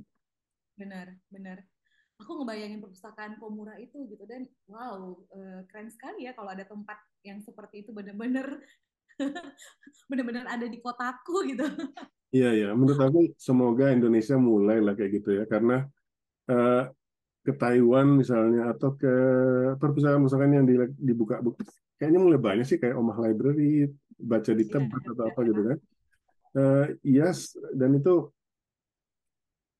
atmosfernya itu beda gitu loh. Kita kadang-kadang kita mungkin sudah di umur yang kita udah punya buku banyak ya kayak, kayak di belakang itu kan buku semua tuh. Kita sebenarnya nggak butuh pinjem buku dari perpustakaan, tapi kita butuh ruang atau space yang di mana kita dikelilingi oleh buku, kita mau melakukan apa pun di situ, mau baca buku kita sendiri, mau nulis, mau apa. But being in that space is amazing. That feeling gitu. loh. betul dan itu juga memungkinkan kita ketemu dengan orang-orang yang punya frekuensi yang sama kan mas gitu Yes, yang yes. paling menyenangkannya juga Aku mau share dikit lah kalau gitu ya. Soalnya di episode udah mungkin udah nonton ya episodeku yang perpustakaan itu ya. Jadi belum lama ini aku lagi duduk di situ, pulang latihan, terus eh, mau nerjemahin dikit gitu ya. Terus di sebelahku tuh duduk orang gitu yang baru pertama ke tempat itu. Orang Denmark, jadi dia ngomong bahasa Inggris. Terus dia duduk di sebelahku kan. Gila tempat ini ya di, di perpustakaan itu. I didn't know this before, bla bla bla gitu kan. Terus dia bilang, ini tempat yang bagus banget. This is genius. You don't have to you don't have to read books. Jadi perpustakaan itu sebenarnya ruang pertemuan kayak public space gitu yang orang bisa ketemu apa agora atau apa yang tempat bisa mendiskusikan atau nggak usah mendiskusikan duduk aja lah di situ tapi uh, perpustakaan dengan makna tradisionalnya adalah oke okay, tempat minjem buku fine hmm. isinya rak-rak doang tempat duduknya ala kadar itu sudah kayaknya udah lama sekarang perpustakaan yang aku bilang ini memikirkan bukunya dan memikirkan space-space-nya itu juga gitu loh. Kamu mau ngapain di situ? Dan menurut aku ketika aku dengerin orang ini ternganga-nganga gitu, aku merasa, oh ya aku seger lagi karena aku udah sering banget ke situ kan, jadi nggak merasa amazed lagi. Yeah. jadi agak refresh. Oh ya, this is ini sesuatu yang harus disyukuri ini. Kalau di sini kan masih jarang ya mas ya perpustakaan yang kayak gitu. Iya. Iya, apalagi di Medan ya. Mungkin oh, masih Medan. masih. Iya. Ngobrol buku lah yang mulai. Wah, semoga.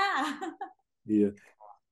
Ketika orang sudah merasa kebutuhan, kalau kebutuhan dasar terpenuhi, orang kan butuh bagaimana mengisi hidupnya kan.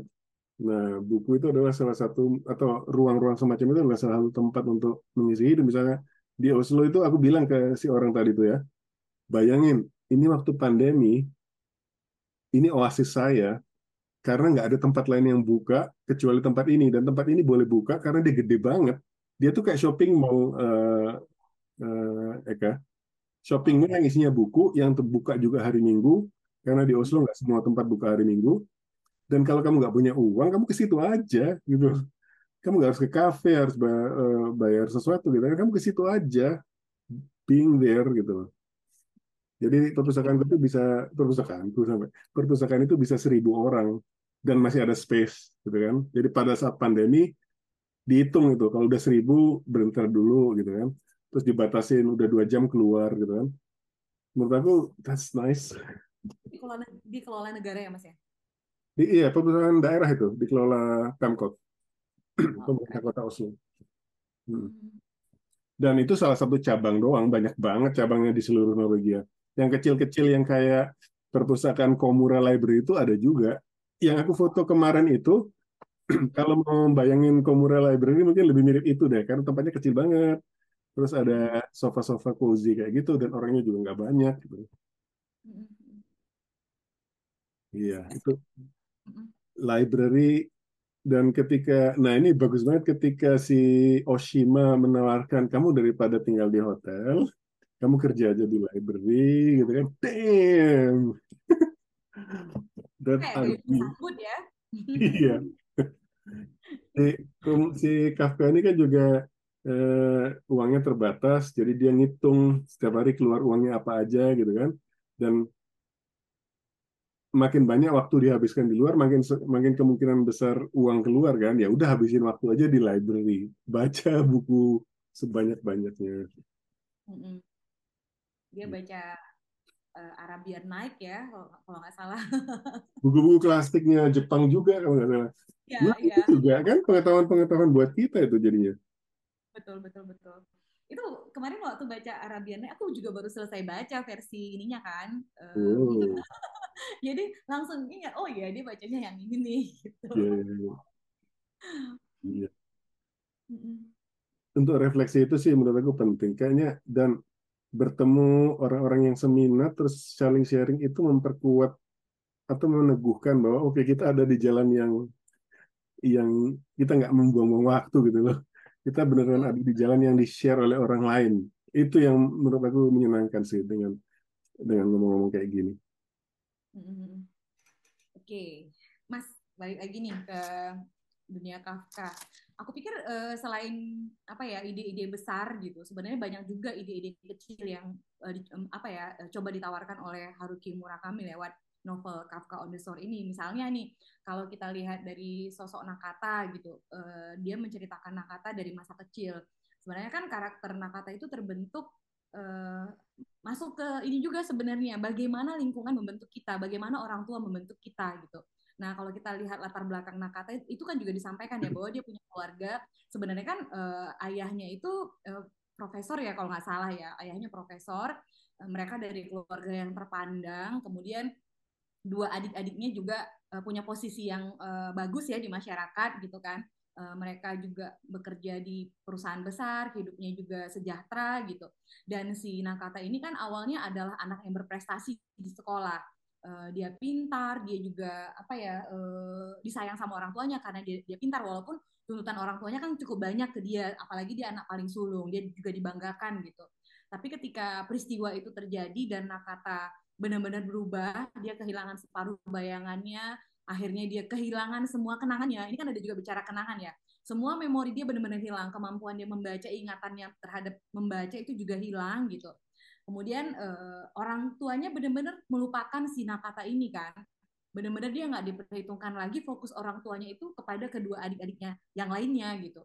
Dan uh, Nakata itu dibentuk oleh lingkungan dan keluarganya akhirnya karena Nakata ada bilang kayak gini uh, yang Nakata tahu Nakata itu bodoh gitu kenapa Nakata bilang Nakata bodoh karena semua orang bilang Nakata bodoh ayah Nakata bilang Nakata bodoh, ibu Nakata bilang Nakata bodoh, adik-adik Nakata juga bilang Nakata bodoh. Jadi ya Nakata memang bodoh karena semua orang bilang Nakata bodoh gitu.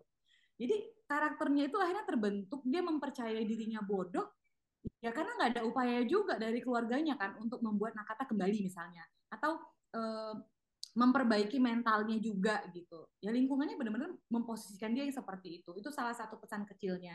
Terus juga misalnya uh, aku menemukan beberapa pesan-pesan yang lain, misalnya juga uh, soal apa ya uh, penyiksaan terhadap kucing gitu. Ternyata ada juga ya orang-orang yang uh, sakit seperti itu ada di dunia ini gitu.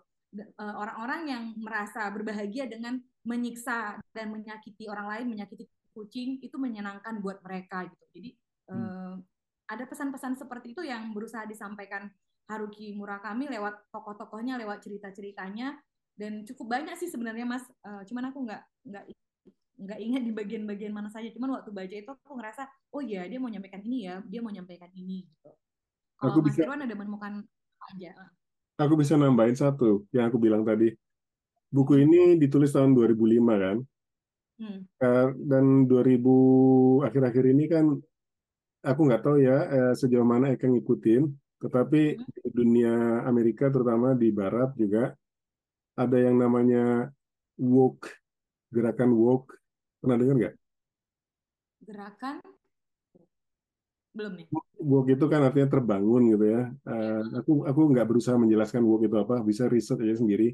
Tetapi woke itu dikaitkan banget dengan uh, gender identity, terus gender politics, uh, hmm. terus dikaitkan lagi dengan cancel culture. Jadi okay. aku mengaitkannya sangat simpel, maaf kalau salah, tolong dicek sendiri. Tetapi yang inti utama adalah uh, soal gender tadi. Jadi orang merasa ada premisnya adalah gender itu fluid, gender itu bukan cuma satu laki-laki atau perempuan, ada banyak spektrum di antaranya dan dengan eh, konsekuensi bahwa gender itu cuma dua ini adalah banyak yang merasa di dimarginalkan kalau dia tidak tidak conform sama satu atau yang lain gitu kan. Jadi mulailah mereka mendefinisikan uh, bisa memakai pronoun she, her, apa dia bisa pakai they, them itu kan. Dan itu banyak segala macam kompleksitas dan kehebohan secara politiknya yang makanya aku kaitkan dengan cancel culture tadi. Misalnya ada profesor yang salah ngomong ada mahasiswanya yang pindah gender dari she her jadi jadi perempuan menjadi laki-laki atau dan sebaliknya. Tetapi si profesor ini tetap memanggil uh, orang mahasiswa tadi dengan gender sebelumnya gender original gender lahirnya. Terus dia di cancel dia dipecat dari hukumannya. Nah uh, itu heboh banget entah sudah sampai di Indonesia atau enggak menurut aku Indonesia enggak terlalu heboh karena banyak hal juga. Salah satunya adalah kita pronoun kita dia. Kita nggak butuh pronoun ketiga yang pronoun kita tidak tidak gender related gitu kan. Ya. Kenapa aku ngomong ini? Karena tokoh Oshima. Oshima benar. Yes. Unik banget dia.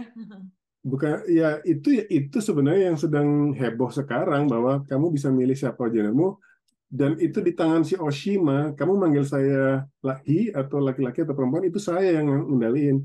bukan kamu karena kamu ngelihat saya laki-laki yang feminin atau perempuan yang maskulin, terus kamu bisa mengejek saya, kamu bisa menyebutkan macam-macam uh, freak lah atau orang aneh, orang nggak yang nah yang kayak gitu itu di Murakami kan semua orang yang di dekat Oshima bisa termasuk Hoshino. Hoshino bilang oh ya. ya aku mau bilang itu juga mas. Hoshino juga ternyata punya kesadaran itu.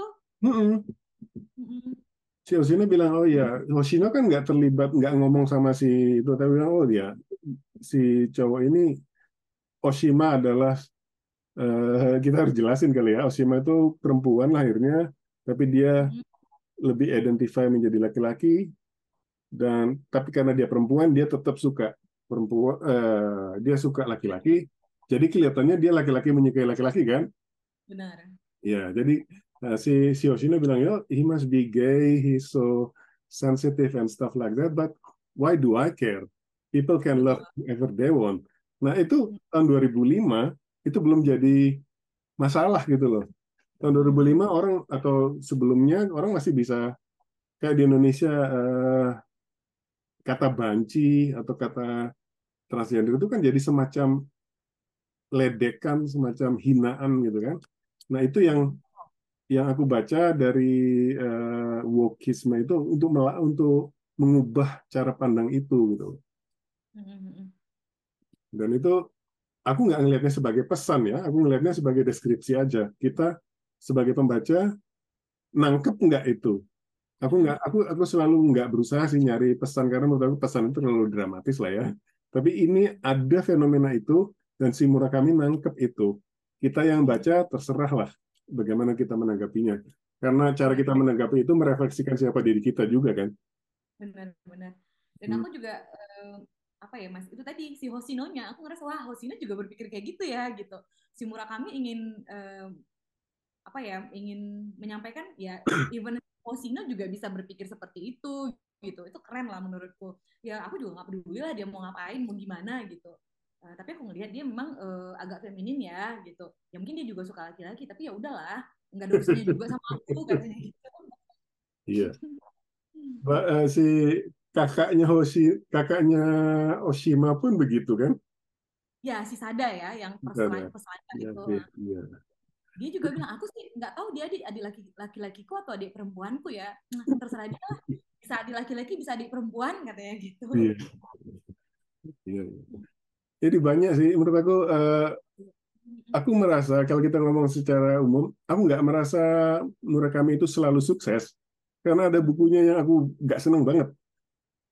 Uh, yang yang gambar depannya seperti uh, buku perpustakaan lama. Pernah baca nggak? Aku lupa judulnya. Yang mana tuh ya? Jadi covernya itu huh? uh, gambarnya kalau kita buku library kan biasanya ada ada tempat untuk masukin slotnya itu kan di ya, ya. kapan check in kapan nggak. Nah itu covernya gambar Jaman. itu. Aku menurut aku buku itu nggak bagus atau nggak aku nggak nemukan kenikmatan baca buku itu. Terus kayak yang colorless Sukuru itu aku nggak kurang berkesan sih menurut aku. Dan menurut aku yang makanya kebalik lagi ini ramuannya pas banget gitu loh. Hmm. mungkin aku akan baca lagi sih. Hmm. Norwegian gue lumayan suka sih. Norwegian bagus. Jadi menurut aku karya-karya Murakami yang 2000 awal itu kuat-kuat menurut aku. Mungkin aku juga tereksposnya ke yang itu ya. Karena di, mungkin tadi Eka bilang, oh elemennya muncul-muncul lagi ya, nggak apa-apa sih. Uh, di ini yang kronikal kronik burung pegas ini ya Mas ya, ini juga ada uh, karakter yang bisa nyari kucing juga. Oh, iya. Jadi agak-agak mirip sama Nakata, dia juga mencari kucing gitu. Makanya aku bilang ada beberapa hal-hal yang sama gitu, tapi ya tetap eh, ya mungkin itu ciri khasnya gitu. Aku akhirnya menarik kesimpulan mungkin itu ciri khas si Murakami. Jadi ketika aku membaca Murakami, aku ada uh, langsung apa ya punya punya ekspektasi gitu ya. Di sini ada ada nggak lagi nanti kucingnya ya gitu. Biasanya aku bacanya gitu, makanya yang uh, Killing Commendatory juga jangan-jangan nanti di situ juga ada kucing ya gitu. Tapi baca yang lain lagi mungkin ada kucing juga ya. Dia piara kucing nggak ya? Aku nggak aku nggak ingat kalau dia piara kucing. Kayaknya iya sih mas. Kayaknya ya. Jadi ya itu eh, balik lagi ke buku yang ini nih. Menurut aku Hmm. eh, banyak sih bisa dijadiin contoh atau bisa diambil eh, bagaimana dia mengisi hidupnya. Dia kan dia kan beneran orang yang mengambil kontrol terhadap nasibnya sendiri di sini. Jadi nggak nggak ngikutin apa kata society, nggak ngikutin apa kata eh, apa pun filosofi hidupnya gitu kan. Dia menentukan oke, saya udah menjelang umur 30 nih, eh, cukuplah bekerja sebagai pemilik bar dan with it. Habis itu switch-nya juga gampang banget, nggak dramatis. Dia cuma bilang mulai hari ini saya adalah penulis. Habis itu dia mulai melakukan nulis. Aku aku nggak inget tuh eh, gimana dia pertama kali nerbitin bukunya kan pasti ada ada ceritanya juga ya. Iya. Em, dia pernah nerbitin kumpulan puisi juga ya mas ya. Tapi nggak laku Hmm. kan, nggak laku. Tapi eh, novel pertamanya itu yang memang langsung langsung apa ya laris ya kalau nggak salah waktu itu menang menang lomba apa gitu. Hmm. Jadi langsung melejit juga namanya. Eh, di buku itu juga diceritain sebenarnya walaupun waktu itu dia belum menjadi penulis si Murakami kan merasa dia nggak nggak mungkin aku nggak punya potensi penulis awalnya gitu. Dia hanya pembaca dia menganggap dirinya aku hanya pembaca. Dia pembaca yang aku suka baca ya udah aku pembaca aja. Tapi mungkin di satu momen akhirnya dia nge-challenge dirinya ya eh, aku mau coba jadi penulis aku ingin menjadi penulis ya udah dia langsung benar-benar eh, ngubah hidupnya itu gitu. Dan benar total serius benar-benar etos kerja orang Jepang. Iya, Heeh. aku jadi reflektif dikit, jadi kayak Hoshino nih. Waktu kecil itu, waktu film Indonesia atau TV-TV Indonesia itu di- didominasi dengan film-film kungfu. Aku Hmm. pernah ngomong ini juga sama Mas Yudi. Kalau nonton film kungfu itu kan selalu ada pembukaan, habis itu bagian dia latihan, habis itu dendam atau apa, akhirnya pertarungan pamungkas kan pakemnya kayak gitu. Dari Hmm. semua elemen-elemen itu, bagian yang menarik banget buat aku adalah bagian saat dia latihan. Jadi aku itu me- mungkin me- mempercayai atau meromantisir bahwa kita itu bisa menempa diri kita sendiri untuk melakukan untuk mencapai tujuan. Dan menempa diri ini bisa makan waktu yang panjang, kamu harus melakukannya berulang-ulang, seperti melatih bermusik, melatih apa pun lah. Aku, sesuatu itu tidak bisa, skill itu tidak bisa dilakukan sekaligus, dan eh, bagian dari romantisme tadi adalah melihat perkembangannya. Hmm. Oke, kalau zaman dulu tuh mau jadi sesuatu apa pun harus lewat sekolah lah atau apalah itu one way. Tetapi manusia juga punya kemampuan untuk melatih dirinya sendiri. Makanya kalau ngelihat Murakami, aku ngelihat di prosesnya orang pendekar kungfu latihan tadi itu, dia melakukannya setiap hari, dia melakukannya terus. Seperti bahkan mungkin lari itu adalah metafora buat dia. Karena lari itu apa sih sebenarnya?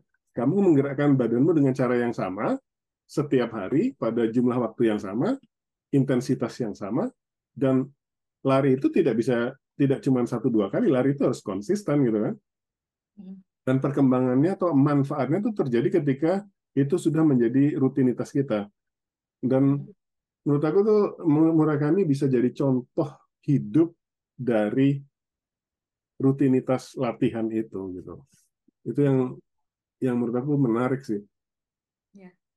Karena dia juga percaya kan Mas kalau mau jadi penulis itu badannya juga harus sehat. yes Gimana kita bisa produktif jadi penulis mikir eh, yang yang apa ya, yang kreatif gitu kalau tubuhnya nggak sehat. Makanya dia eh, benar-benar melatih tubuhnya menjadi sehat. pernah baca buku generasi Beat nggak Beat Generation Eh, Hmm. ah lupa namanya jadi Howard siapa oh, oh, Ginsberg Hmm. aku lupa tapi intinya adalah ini adalah sekelompok orang Ya. yang mabuk-mabukan, high, ngerokok sepanjang hari, dan dia menulis sebuku.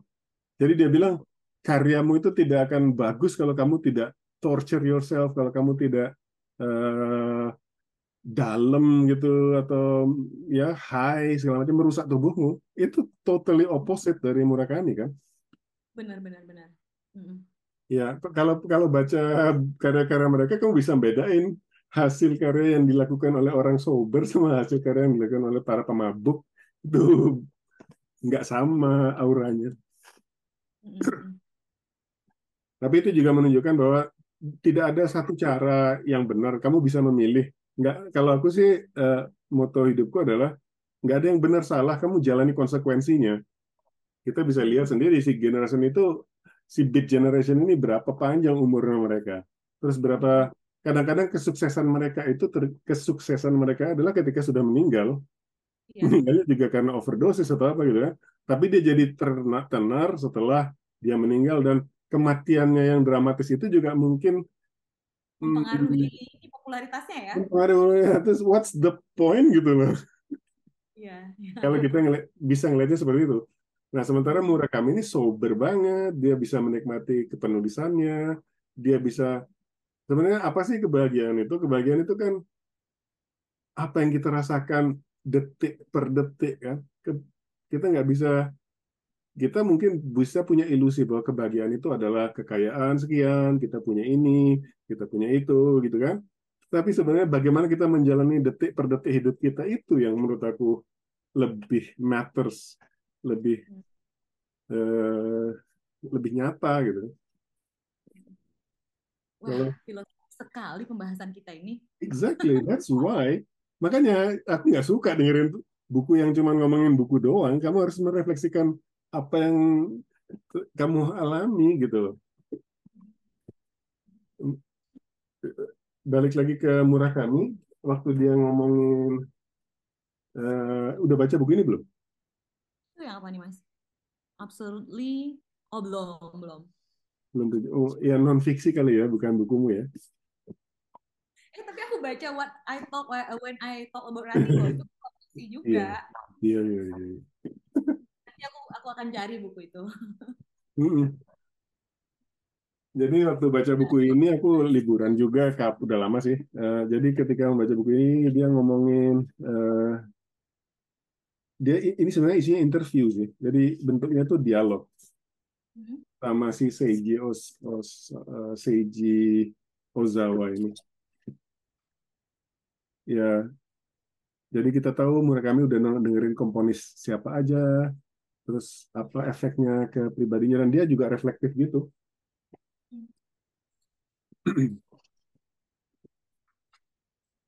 Menurutmu Eka, kita balik ke Ya. Carve Down the Shore. Mhm.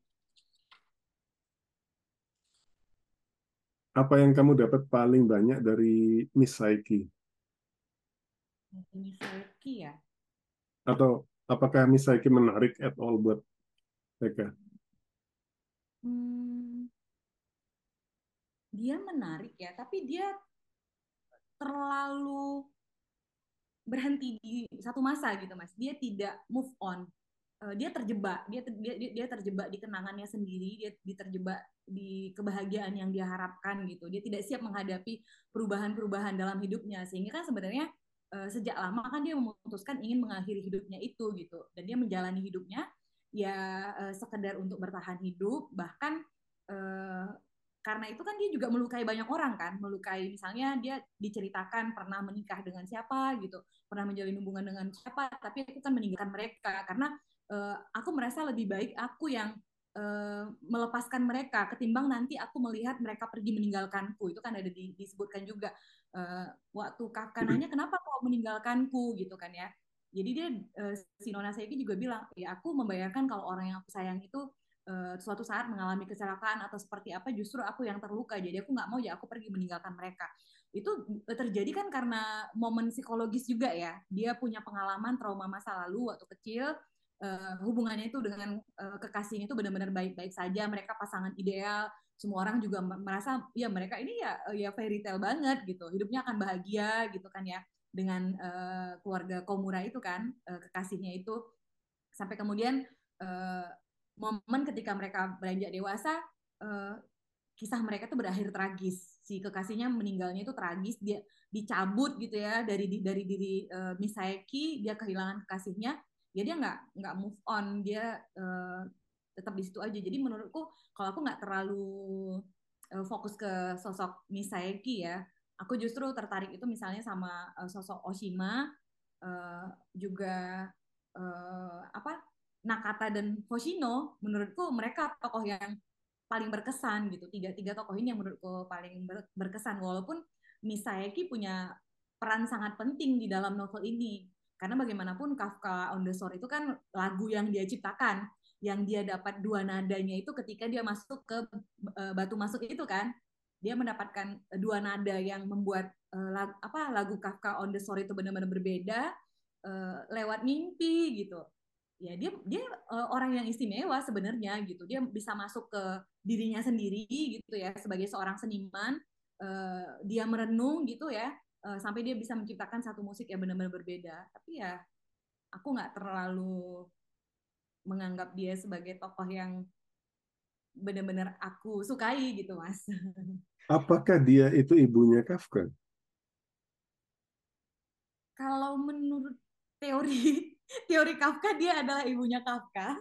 Uh, Dan itu tetap sebuah teori kan sampai akhir. Walaupun di adegan perpisahan mereka itu adegan perpisahan itu bagus banget. Jadi ada Benar. dan oh iya, iya adegan perpisahan itu bagus banget ketika dia akhirnya menyebut si Misaki dengan ibu terus hmm. Sesuatu dia bilang sesuatu yang frozen in my heart suddenly dissolve crumbles gitu kan. Hmm. dan kalimat itu di buku aslinya ditebelin. Hmm. dan uh, kalimat Misayaki juga kan walaupun semua orang melupakan aku itu tidak penting buat aku. Yang penting uh, kau tidak melupakanku. Kan itu yang disampaikan kepada Kafka. Ya eksistensiku itu aku akan tetap punya eksistensi asal aku masih ada dalam ingatanmu gitu kan hmm. ya itu menegas, menegaskan hubungan si Kafka dan uh, Misayaki ya mereka punya koneksi gitu ya kalau menurutku kemungkinan uh, Misayaki Misayaki memang ibunya Kafka uh, kalau gimana justru itu bagusnya Murakami menurut aku. Kalau aku nangkepnya bener ya. Jangan dikasih jawaban. Karena itu dikasih jawaban rusak. Either way akan rusak ini atau rusak yang itu. Selama dia ambigu, itu justru membuat sense. Jadi misalnya, karena uh, si, Murak, si Kafka ini tertarik secara romantik ke si Misaki itu entah yang dia lihat itu figurnya ketika umur 15 umur dia atau ketika udah 50 tahunan ini gitu loh. Dia jatuh cinta romantically dan mereka hmm. melakukan hubungan seksual juga gitu kan. Kan hmm. aneh banget atau rusak banget uh, kalau dia ternyata ibunya gitu kan. Terus uh, kalau dia nggak ibunya juga kan rusak juga uh, Oedipus kompleks yang dimainkan tadi bahwa si Kafka dikutuk untuk membunuh bapaknya dan membunuh dan bahkan juga pembunuhan bapaknya itu juga ambigu juga kan, bukan entah siapa yang bunuh. Apakah bapaknya itu Johnny Walker pada suatu saat yang dibunuh secara tidak langsung oleh Nakata? Hmm. Jadi main ini aku ngelihatnya siapa yang ngomong ini? Kalau nggak salah orang Pamuk lagi yang ngomong hide and seek, sembunyi-sembunyian. Jadi si si penulis melempar clue si pembaca menebak-nebak kira-kira ini apa ini atau enggak ini atau enggak gitu kan sampai akhir enggak enggak di, enggak dijelasin A atau B dan let it be like that. Aku nanya tadi memprovok diskusi ini juga. Teka-teki aja, tetap tetap dibiarkan jadi teka-teki ya silahkan kita sebagai hmm. pembaca menarik-narik, menghubung-hubungkan dan mungkin persepsi setiap pembaca beda-beda. Mungkin aku bisa menyimpulkan ya uh, mungkin dia ibunya, tapi di sisi lain aku juga meragukan itu sebenarnya meragukan uh, ada ada momen-momen kita merasa oh ya mungkin ibunya karena teori yang disampaikan Kafka misalnya ternyata Misaki itu pernah menulis tentang orang-orang yang tersambar petir. Dia melakukan wawancara berkeliling Jepang untuk menemukan orang-orang yang uh, tersambar petir. Dan ayahnya si Kafka ini kan uh, juga orang uh, yang selamat dari dari petir gitu kan. Dan mungkin mereka pernah bertemu. Dan di bagian lain buku juga diceritakan iya memang aku pernah bertemu dengan ayahmu tapi bagaimana mungkin kau menyimpulkan bahwa uh, dia itu adalah suamiku gitu. Nah, jadi uh, awalnya kita berpikir ya mungkin saja ya si uh, Misayaki ini benar-benar ibunya Kafka. Karena dia sudah bertemu dengan ayahnya dia juga menulis buku tentang itu yang tidak laku gitu kan. Kemudian uh, di bagian yang lain itu dimentahkan lagi. Kita masuk ke bagian berikutnya kayaknya ditegaskan lagi. Benar-benar kayaknya ada hubungan antara mereka ya. Kita mulai yakin Misayaki ini benar-benar ibunya gitu. Tapi masuk lagi ke bagian berikutnya, kita dibikin ragu lagi benar nggak sih kalau uh, Misayaki ini ibunya? Ya udah sampai bagian akhir tetap memang teka-teki tapi uh, ada kecenderungan kita berpikir ke sana gitu kalau aku melihatnya. Oh ya kemungkinan bisa saja memang ibunya gitu. Tapi jadi semakin ambigu lagi karena Misayaki bilang waktu dia melihat lukisan itu kan uh, waktu lukisan itu diberikan kepada aku itu dilukis oleh orang lain. Tapi waktu itu aku ada di sana melihatmu dan kau juga ada di sana sedang bermain pasir itu kan nggak realis nggak nggak realistis juga dari segi usia kan sangat jauh berbeda gitu. Jadi ya uh, nggak bisa diterjemahkan secara apa ya mas ya secara uh, langsung begitu gitu. Ya tetap sebuah teka-teki sih. Ya dan uh, yang membuat kelindan itu adalah umur mereka pada saat jadi si Kafka ini jadi ketika Misaiki uh, tidur dengan si Kafka itu dia seperti sedang ada di dalam kenangannya dengan pacarnya yang meninggal itu di umur itu gitu loh. Jadi ini beneran dunia kenangan, dunia mimpi, dunia fantasi berkelit-kelindan dengan dunia kenyataan. Dan itu menurut aku dieksekusi dengan bagus sih. Justru pertanyaan-pertanyaan ini nggak harus dijawab. Pertanyaan ini memang sengaja sengaja diprovokasi supaya kita mikir itu gitu loh. Uh, makanya aku nggak mau aku aku memprovokasi ini juga supaya nggak kita ngelihat Misaki itu seperti sesuatu yang dijudge oh saya suka atau nggak suka dengan dia gitu. Karena Misaki memang kompleksnya di situ.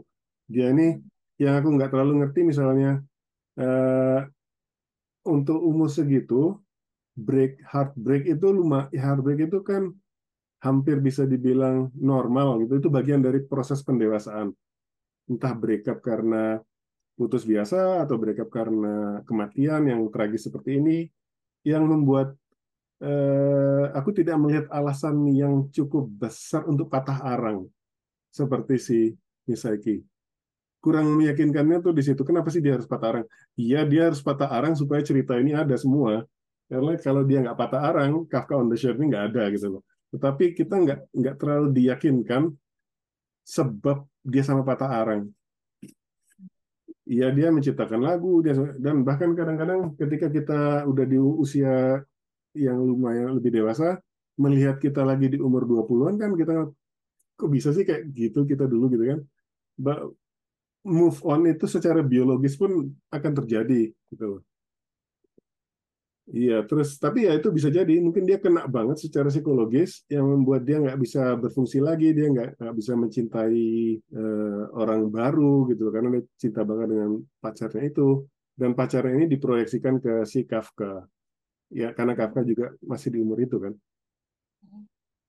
Iya. Dan di dalam hutan itu juga sangat fantasi ya Mas ya. Ketika yang Kafka masuk di dalam iya uh, dia ketemu satu perkampungan di dalam hutan. Itu kan juga perkampungan uh, imajiner ya. Dan, mm-hmm. itu juga kayak mirip dengan kisah-kisah di Indonesia kan. Kalau kita tersesat di dalam hutan nanti tiba-tiba kita ketemu satu perkampungan perkampungan uh, apa ya magis gitu kan ya.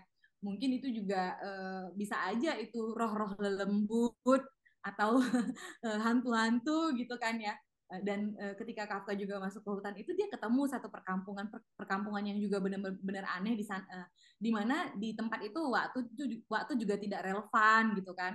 Terus uh, dia ketemu dengan uh, mungkin dia ketemu dengan apa yang diharapkan gitu kan ya. Harapan-harapan bisa terwujud di situ uh, sebagai apa ya sebagai kompensasi kebahagiaan mungkin ya supaya dia merasa berbahagia tapi itu juga tidak nyata gitu si uh, Misayaki datang di usia 15 tahun dia uh, apa ya menyediakan apa pun yang Kafka butuhkan gitu. Itu sangat-sangat fantasi menurutku dan ya aku agak teringat dengan kisah-kisah tradisional kita lah cerita-cerita cerita-cerita klasik Indonesia.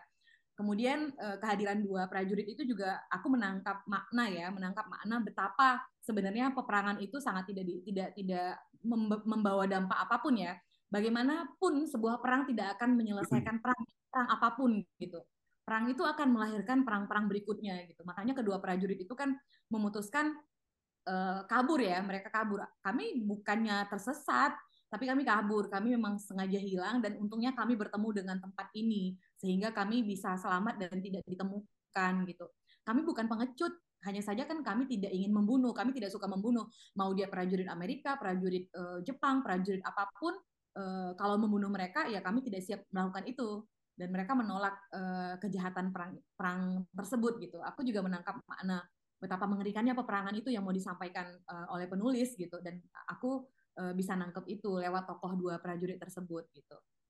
Adegan itu menarik sih menurutku yang uh, di dalam hutan bagaimana kemudian juga Nona Seiki muncul ya yang sudah usia 50 tahun kemudian memberi harapan kepada Kafka itu kayak momen orang yang lagi uh, apa ya lagi nggak sadarkan diri mungkin ya. Kan kadang-kadang kita juga baca di cerita-cerita fiksi ada orang yang nggak sadarkan diri mungkin di ambang antara uh, kehidupan dan kematian ada orang-orang yang muncul ke dalam alam pikirannya menyuruh dia harus kembali. Nah ini kan peran Misayaki juga seperti itu. Dia memberi uh, saran kepada Kafka Kafka kamu harus uh, harus kembali kamu harus kembali ke tempat asalnya kamu tempat kamu bukan di sini gitu. Tapi Kafka bilang Eh, aku pengen di sini karena di sini aku bisa bertemu denganmu tapi tempatmu bukan di sini gitu. Dan kenapa kau harus melakukannya? Ya karena aku yang memintamu gitu. Di sini lagi peran Misayaki muncul. Dia memberikan uh, apa ya memberikan uh, dorongan kepada Kafka untuk memilih kehidupan gitu. Mungkin kalau dia tetap tinggal di uh, di perkampungan imajiner tersebut ya dia nggak akan uh, kembali ke dunia asli. Dia meninggal mungkin ya. Waktu dia masuk ke dalam hutan dia hilang dia meninggal gitu. Tapi ketika dia uh, dipaksa oleh Misaki untuk memilih hidup, akhirnya dia bisa menjalani kehidupannya dan uh, menemukan jalan untuk pulang. Kalau nggak salah itu kan kayak dia masuk ke dalam hutan yang nggak boleh sama si Oshima itu kan, tapi dia lakukan iya. juga, dia pakai hmm. spray paint supaya bisa menemukan jalan kembali. Bukan tapi seperti Hansel dan Gretel ya. Tapi dia mendapatkan dorongan untuk masuk ke dalam hutan itu. Dia seperti ditarik ke situ. Dan itu ber, eh, kalau nggak salah waktu timelinenya bersilangan dengan ketika Misaki udah ketemu sama Nakata, terus coba bakar semua catatan saya gitu kan. Habis itu Nakata harus menutup lagi pintu yang terbuka dengan batu itu. Jadi aku ngelihatnya itu kayak masuk ke dimensi lain lah dan uh, ketika aku sedang baca di bagian itu, aku langsung ingat, oh ini kayak kayak, kayak semar lembu ya. Jadi yang uh, dimensi-dimensi waktu arwah-arwah itu datang lagi. Jadi ngeliat playfulnya tuh di situ antara yang imajiner sama dunia dunia nyata. Terus ada juga yang berkesan sih ketika ngomong sama prajurit-prajurit itu, kamu harus menusuk bayonetmu ke dalam ususnya. Habis itu di di iya diputar. Habis itu si Osi si Kafkanya langsung bilang Osima pernah Osima pernah menceritakan kepada ada apa? Osima pernah cerita kepada saya bahwa ada anjing ya? Sebentar mas. Jadi dia pengen ikut gak apa-apa. Break dulu lah kalau gitu ya ada anak-anak di luar ya boleh boleh break dulu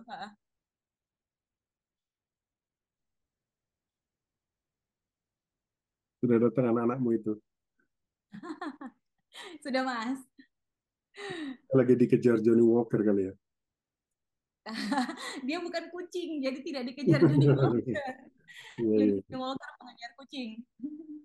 Jadi nggak bisa bikin seruling ajaib dengan mereka Ya, karena jiwanya berbeda. Karena uh, apa anjing-anjing kapitalis tidak eh, apa uh, tidak ada kucing-kucing kapitalis yang ada.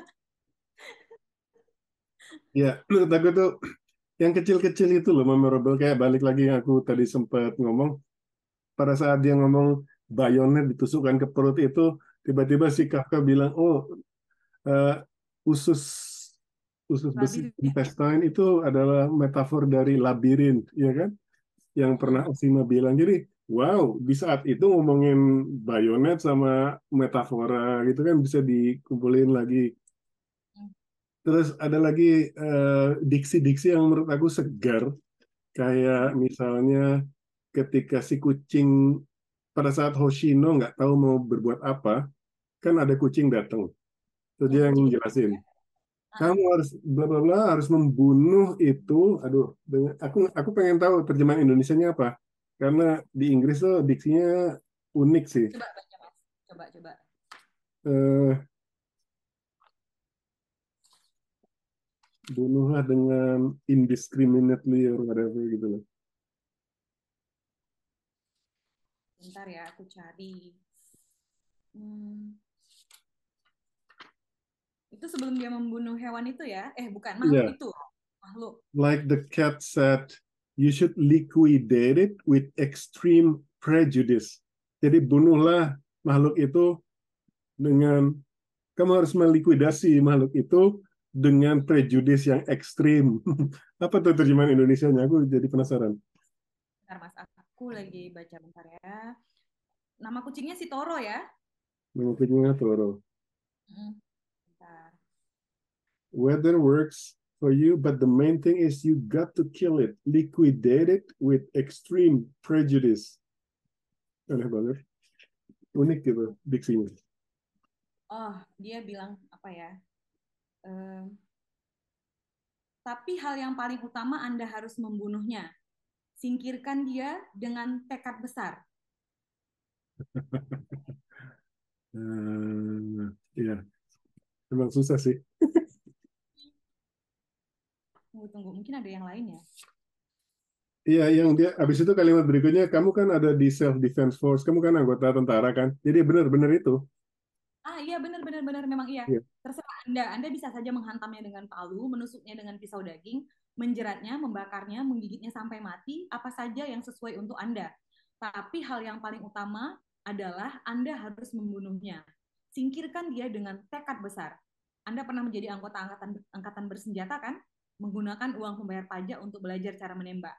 Bagaimana mengasah bayonet? Anda adalah seorang prajurit, jadi gunakan kepala Anda dan tentukan cara terbaik untuk membunuhnya. Nah, itu terjemahannya, Mas. Ini Lebih ekstrim Inggris ya.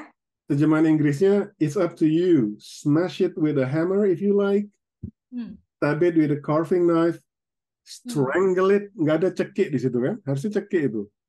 Ini hanya menjerat dia buat. uh-uh. Strangle it, burn it, bite it to death, Nah, itu sama. uh-uh. gigit sampai mati. Iya, uh, sama. whatever works for you. But the main thing is you've got to kill it. Liquidate it with extreme prejudice. Kenapa yang liquidated with extreme prejudice itu unik? Karena dia muncul lagi di belakang ketika si Hoshino sudah melakukan itu. Dia langsung bilang, oh the cat, the cat said liquidated with extreme prejudice. It's eh, ada sense bahwa ini kucing, kok kenapa pakai bahasa-bahasa hukum sih? Likuidasi, habis itu prejudis gitu kan. Kayak kucing yang udah masuk universitas jadi kucing ini terdidik banget pakai pilihan kata itu. Kalau di Indonesia kan nggak kerasa itu karena tekad besar kan ya siapa tahu kucing bisa ngomongin tekad ya. Kamu nggak harus ke universitas untuk ngomongin kata tekad kan? Hmm. dan prejudis itu bukan tekad lagi. Apa ya mungkin dia nerjemahin dari Jepang kali langsung. Anyway. Kayaknya ini dari Inggris sih. Mm. Kalau yang dari Inggris dari Kafka on the Shore. Ya, eh, balik lagi ke aku lupa tadi bilang. Aku kali ini dengerin audiobooknya. Hmm. Audiobooknya ini one of the best experience of uh, listening karena yang pertama produksinya bagus. Jadi yang ngomong tuh selalu dua orang. Ketika ceritanya eh, Kafka atau Nakata beda-beda suaranya. Terus juga karakter ma- masing-masing orang ini bisa mainin karakter yang lain kan. Dan yang kedua adalah aku pikir nih karena Murakami tulisannya tuh memang kayak dongeng, kayak kita bilang tadi, kayak anak kita kan nggak mungkin nenek sama anak kecil ngomongnya seperti misalnya diksinya Albert Camus kan nggak mungkin. Nenek itu lebih ngomong kayak diksinya Murakami, jadi kalimatnya pendek-pendek, nggak pakai anak kalimat panjang lebar, bahwa dan sebagainya itu kan nggak ada bahwa. Aku hampir cukup sensitif bahwa nggak pernah ada dia berpikir bahwa bla bla bla kalimat eh, anak induk dan anak kalimat itu hampir nggak ada gitu. Ya. Terus eh, dan itu cocok banget untuk dijadiin audiobook. Kadang-kadang kalau baca audiobook kayak baca Sampar kemarin aku butuh butuh ngeliat teks aslinya lagi gitu kan. Ini maksudnya apa atau cepet hilang misalnya lagi ngomong dia ngomong apa tadi gitu kan. Ini dikit banget karena memang seperti seperti uh, cocok banget untuk lisan menurut aku. Kalimatnya pendek-pendek ya mas ya? Pendek-pendek efektif. Walaupun kalimatnya pendek-pendek tetapi kita bisa ngebayangin semuanya itu dengan jelas. Misalnya Oshima ngeraut pensilnya itu dengan sampai tajam. Nah detail-detail itu itu yang aku baca di buku penulisan fiksi kita nggak harus bilang bahwa Oshima ini orangnya begini orangnya begini begini lihat kan dari perilakunya dia. Oh, perilakunya dia itu dia selalu meruncingkan pensilnya ini gitu kan. Itu menunjukkan oh orang ini mungkin punya tendensi apa detail oriented atau apa gitu kan. That's very good. Betul, betul. Tapi walaupun pendek-pendek itu tetap indah menurutku apa yang ditulis oleh Murakami. Kita sebagai pembaca itu menikmati kata-katanya gitu. Kayak tetap esensi um, yeah. Aku nggak aku nggak meratakan bahwa yang panjang itu indah Justru yang pendek itu, jadi imaji apa yang muncul di kepalamu ketika kamu dengerin rangkaian kalimat-kalimat itu, gitu kan?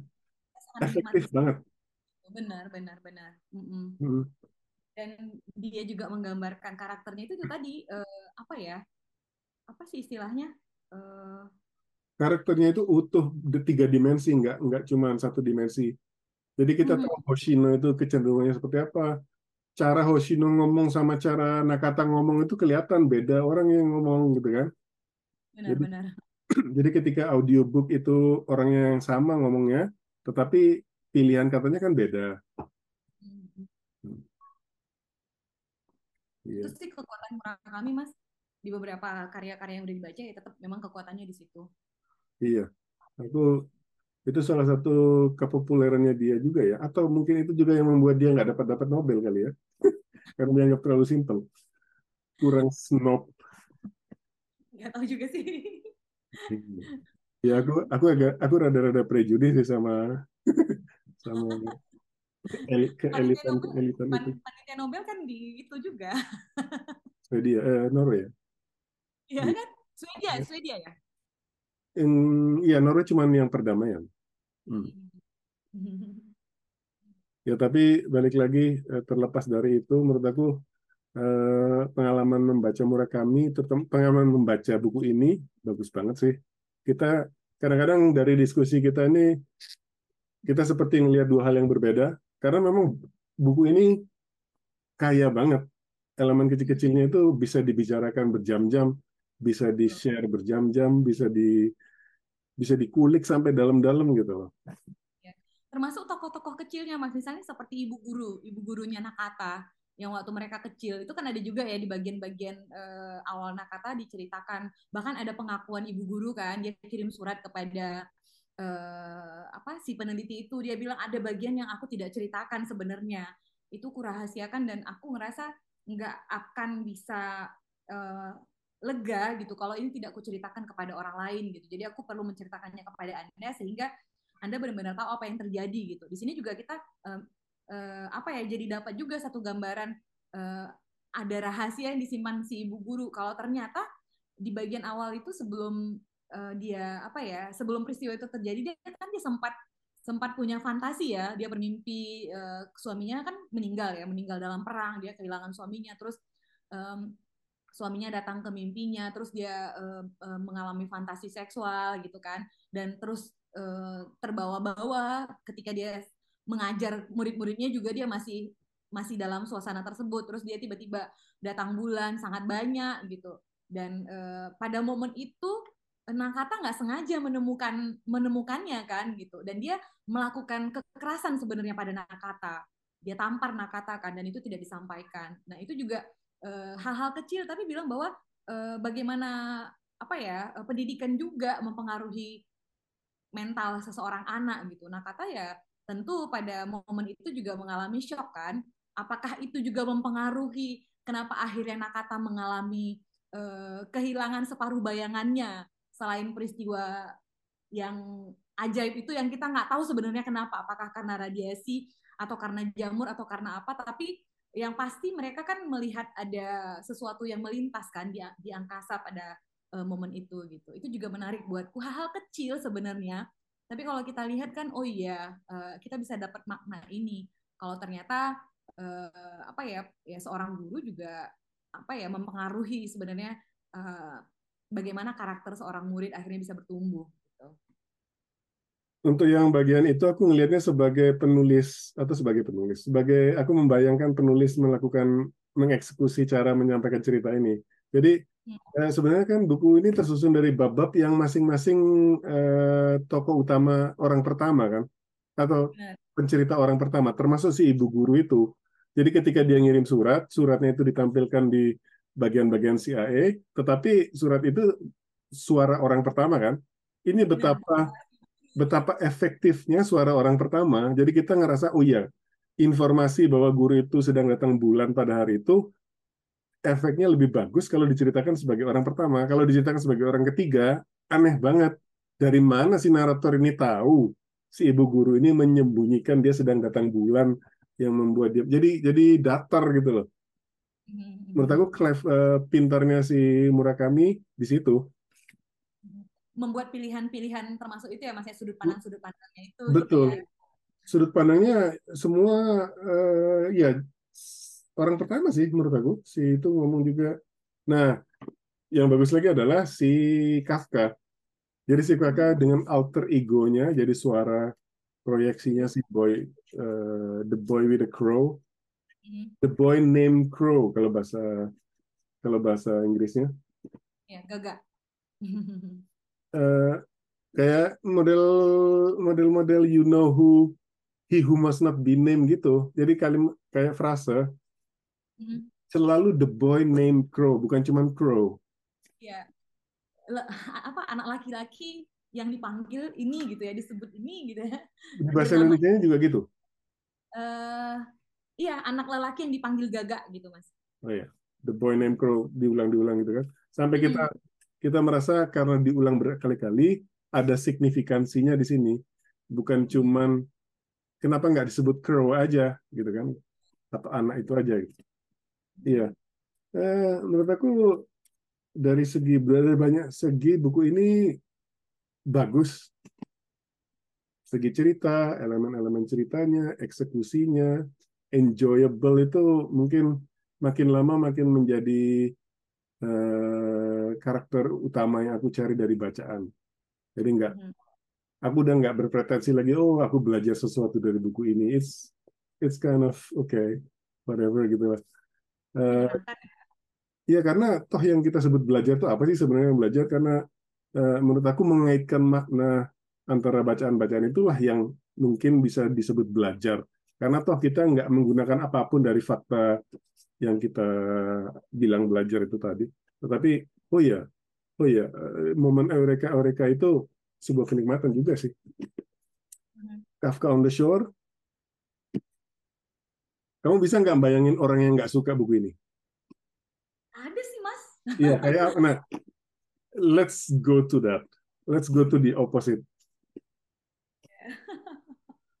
aku sejak awal membaca buku ini suka, benar-benar ngerasa wow, aku suka dengan dunia Kafka. Kalau ditanya karya Murakami yang kamu paling suka ya, aku pilih ini dan Norwegian Wood. Dua itu yang aku suka walaupun satu Q84 itu aku juga suka, uh, tapi rasanya ya dua dua dua yang ini benar-benar yang paling uh, bisa apa ya luar biasa menurutku gitu menikmati pengalaman si Kafkanya juga terus kayak perjalanan emosinya juga gitu uh, perkembangan psikologis tokoh-tokohnya juga gitu itu semuanya benar-benar uh, bisa kita nikmatin. Ya karena pertanyaanku bukan itu ya tadi. Ya orang-orang yang nggak suka ya. Orang yang mungkin nggak suka buku ini adalah kalau misalnya uh, nggak nyaman dengan sesuatu misalnya nggak nyaman dengan seks nggak nyaman dengan uh, pikiran yang uh, kayak ide-ide uh, gender fluid tadi itu mungkin nggak nyaman sedikit. Atau mungkin juga kalau kalau aku nggak mau judgement juga sih. Kalau misalnya ingin mencari sesuatu yang apa ya uh, fancy menurut aku ini fancy sih. Ya mungkin mungkin susah sih nyebutin sesuatu yang bukan kita ya. Tapi dugaanku sih itu ada beberapa kalau misalnya kita terlalu puritan misalnya kita nggak nyaman banget sama uh, seks yang vulgar atau apa ini cukup vulgar dan Karena uh, kan di situ sih Mas, aku ngelihat ya eh, yang paling banyak itu persoalannya di situ. Nggak hmm, siap dengan adegan-adegan vulgarnya, terus juga mungkin eh, apa yang diceritakan di sini kayak nggak nyampai gitu ya. Maksudnya terlalu absurd mungkin ya, kayak nggak nggak lo nggak nggak nggak ngerasa logika juga. Apa sih yang mau disampaikan penulis gitu. Jadi aku ngerasa bagian-bagian itu yang membu- membuat beberapa orang eh, tidak suka dengan novel ini. Iya, eh, tidak suka dan tidak suka, eh, suka itu kan urusan pribadi. Tetapi kalau kita misalnya dihadapkan untuk membujuk mereka, ya kalau aku akan bilang begini, kita membaca itu justru ingin me- me- me- menjelajahi ranah-ranah yang kita tidak jelajahi karena banyak hal, mungkin karena moralitas kita, karena eh, restriksi-restriksi yang ada di dalam hidup kita masing-masing. Justru kita mendapat kesempatan mencari itu di eh, bacaan kita gitu. Kenapa tidak ya kan? mengeksplor itu. Ya. Dan kalau kesiapan sih Mas, kesiapan untuk menerima sesuatu yang di luar diri kita gitu. Mungkin terlalu nyaman dengan apa yang disukai gitu dan tidak ya siap untuk hal-hal yang ada di luar diri kita itu gitu. Tapi kalau misalnya siap ya ya terbuka-terbuka aja kan sebenarnya ke berbagai kemungkinan bacaan. ya itu kan yang namanya open minded itu kita nggak akan pernah siap untuk mendapatkan sesuatu yang kita nggak pernah tahu sebelumnya. Tapi kita nyaman nggak dengan dengan dengan hal baru itu gitu loh. Tapi mungkin kalau harus ngasih diri jangan untuk anak-anak misalnya. Anak-anak pun nggak menurut aku agak kesulitan untuk mencerna ini anyway. Uh, what's the point? Dan juga ini bukan bukan buku populer yang oh plotnya apa yang terjadi selanjutnya apa yang terjadi selanjutnya. Walaupun endingnya kita belum ngomongin ending nih tadi, endingnya bagus menurut aku. Mhm. Endingnya itu ada keseruan di situ, ada titik klimaks di mana oke okay, ada tokoh monster atau tokoh antagonis yang tidak berbentuk, tetapi dia punya manifestasi macam-macam kayak Colonel Sanders, uh, si Johnny Walker sebagainya itu. Tetapi endingnya memuaskan di ketika tokoh itu dikalahkan. Lalu ending yang lebih ending lagi adalah sangat haru ketika Kafka kembali ke kehidupannya, ketika konflik-konflik, uh, iya konflik-konflik uh, konflik-konflik batinnya itu mengalami uh, resolusinya. Menurut aku itu haru dan ada perasaan nggak selesai karena dia kembali ke rumahnya sendirian lagi dan dia harus memulai hidupnya dengan baru setelah uh, kerinduan kepada ibunya ini sort of ketemu gitu kan. Menurut aku ketika yang kalimat yang kita bilang tadi ketika Kafka menyebut memanggil Misaki ibu itu nggak harus artinya dia memang ibunya. Aku bisa ngelihatnya itu bahwa itu kebutuhan si Kafka. Karena kita kan hidup ini nggak ya kalau kita balik lagi kita nggak punya cara untuk tahu 100% the truth reality. Tetapi apa yang membuat hidup kita merasa kita tahu the truth adalah narasi-narasi yang ada di kepala kita kan. Nah, si Kafka ini narasi di kepalanya itu saya mencari ibu saya dan akhirnya saya ketemu dengan ibu saya. Itu itu cukup gitu loh untuk semestanya si Kafka atau judul buku ini Dunia Kafka itu cukup buat dia. Jadi dia merasa oke okay, pencarian ibu saya kekosongan yang selama ini ada di dalam diri saya akhirnya terpenuhi. Tapi life must go on. Kita nggak tahu apa yang terjadi ketika Kafka umur 40 nanti. ya, dan paling enggak ya di bagian akhir itu uh, dialognya dengan Osima itu juga meletakkan mati ya. Uh, ada ada resolusi gitu. Dan uh, Osima juga membesarkan hatinya. Kafka ya udah kalau kamu memutuskan seperti itu silahkan tapi perpustakaan ini selalu terbuka buatmu. Bagaimanapun aku tetap membutuhkan asisten. Kau bisa pulang kapan saja? Itu juga melegakan hati ya. Paling nggak dia uh, punya harapan tetap walaupun dia sendiri gitu. Dia tahu ke mana harus uh, datang ketika dia butuh orang lain gitu. Iya. Itu bagus sih uh, memberikan kepuasan yang tidak menggurui. Jadi dia kita nggak dikasih kalimat bahwa oh Kafka live happily ever after enggak lah. Dia masih harus menjalani hidupnya lagi, dia harus sekolah lagi. Tapi dia ada ada pintu-pintu yang dibuka buat sequel kalau film-film Hollywood ya. Uh, bisa kembali ke perpusnya atau ke Sakura kan mau ketemu dia di Tokyo uh, sebagainya ya. I think it's good. memberikan kepuasan saat membaca. Aku nggak banyak loh buku yang ketika selesai membaca itu kita langsung hmm, tersenyum gitu ya. Enak ya rasanya. Seperti seperti habis berjalan jauh terus dikasih minuman dingin yang segar. Ya. So fun. Ya, ya, ya. Enjoyable lah, Mas ya, menyenangkan, selalu menyenangkan. Sangat Dan aku ini, kalau baca Murakami ini uh, ngerasa kayak ini ya, uh, agak susah menjelaskannya sebenarnya. Tapi aku merasa hasratku untuk mendapatkan buku bacaan bagus itu terpenuhi, gitulah kira-kira Mas. Ya, aku setuju itu. Ya, rasakan. makanya dan itu balik lagi kata kuncinya di bagus kan. Mm-mm. Aku nggak aku nggak peduli sekarang apa kata orang tentang buku. Dia mau ngomong berbuih-buih ini buku bagus sekarang yang penulis besar. Tapi kalau aku nggak mendapatkan perasaan itu, ya udah it's not for me gitu kan. Mau dibilang buku ini penting, mau dibilang buku ini mendapatkan apa-apa apa gitu kan. That feeling is very important karena di situ kamu jujur. Uh, Mm. you'll really like this book because of itself karena dirinya sendiri bukan karena apa tetek bengek yang ada di sekitar buku itu gitu. Jadi sebenarnya sebelum membaca Dunia Kafka, aku kan udah berapa lama nggak baca Murakami ya Mas ya. Terakhir Lama. Eh, sebelum baca ini aku baca Man Without a Woman. Nah, dan waktu baca itu kayaknya bulan lalu ya, bulan lalu aku baca itu aku kayak ngerasa wah gitu aku terpenuhi hasratku dapat buku bagus gitu. Senang sekali gitu. Nah, seperti itulah rasanya. Dan ketika mengulang membaca ini ya seneng gitu, seneng gitu. Oh iya, em, ya mungkin ya karena cocok dengan aku gitu. Aku mikir gitu aja sih, ini cocok dengan Hmm. aku. Gitu. Dan menurut kami ini cocok dengan banyak orang juga itu itu terbukti dengan suksesnya dia lah. Tentunya sampai antrian ya, Iya. antrian penulis kayak gitu ya. Jadi men- kalau ngelihat publik Norway itu cukup cukup lucu sih. Jadi misalnya ah, aku lupa ya, tapi yang akhir-akhir ini tuh Jojo Moyes atau siapa gitu loh. Itu salah Iya, satu Jojo Moyes ya. Hmm. or somebody else. Ada penulis perempuan yang ketika literatur-literatur festival itu selalu penuh kalau sedang dibahas atau selalu penuh kalau dia ada. Dan itu kan eh, ya orang-orang ini pembaca kebanyakan ya, bukan pembaca yang akademis yang merasa pun, menjadi punya alat untuk melihat menjudge gitu kan. Ini pembaca yang menurut aku lebih genuine karena bukunya menyenangkan gitu. Bukunya ini beneran compelling untuk dibaca. Des- Despite of whoever you are, whatever ideologi atau apa pun lah eh, yang diusungnya gitu loh. Nah, Murakami itu ada di kategori itu menurut aku. Hmm. Dan mari kita menghasut buat semua orang karena kita udah dua jam nih. eh, eh, kan apa aku kan aku belum lupa nanya nih tadi kan.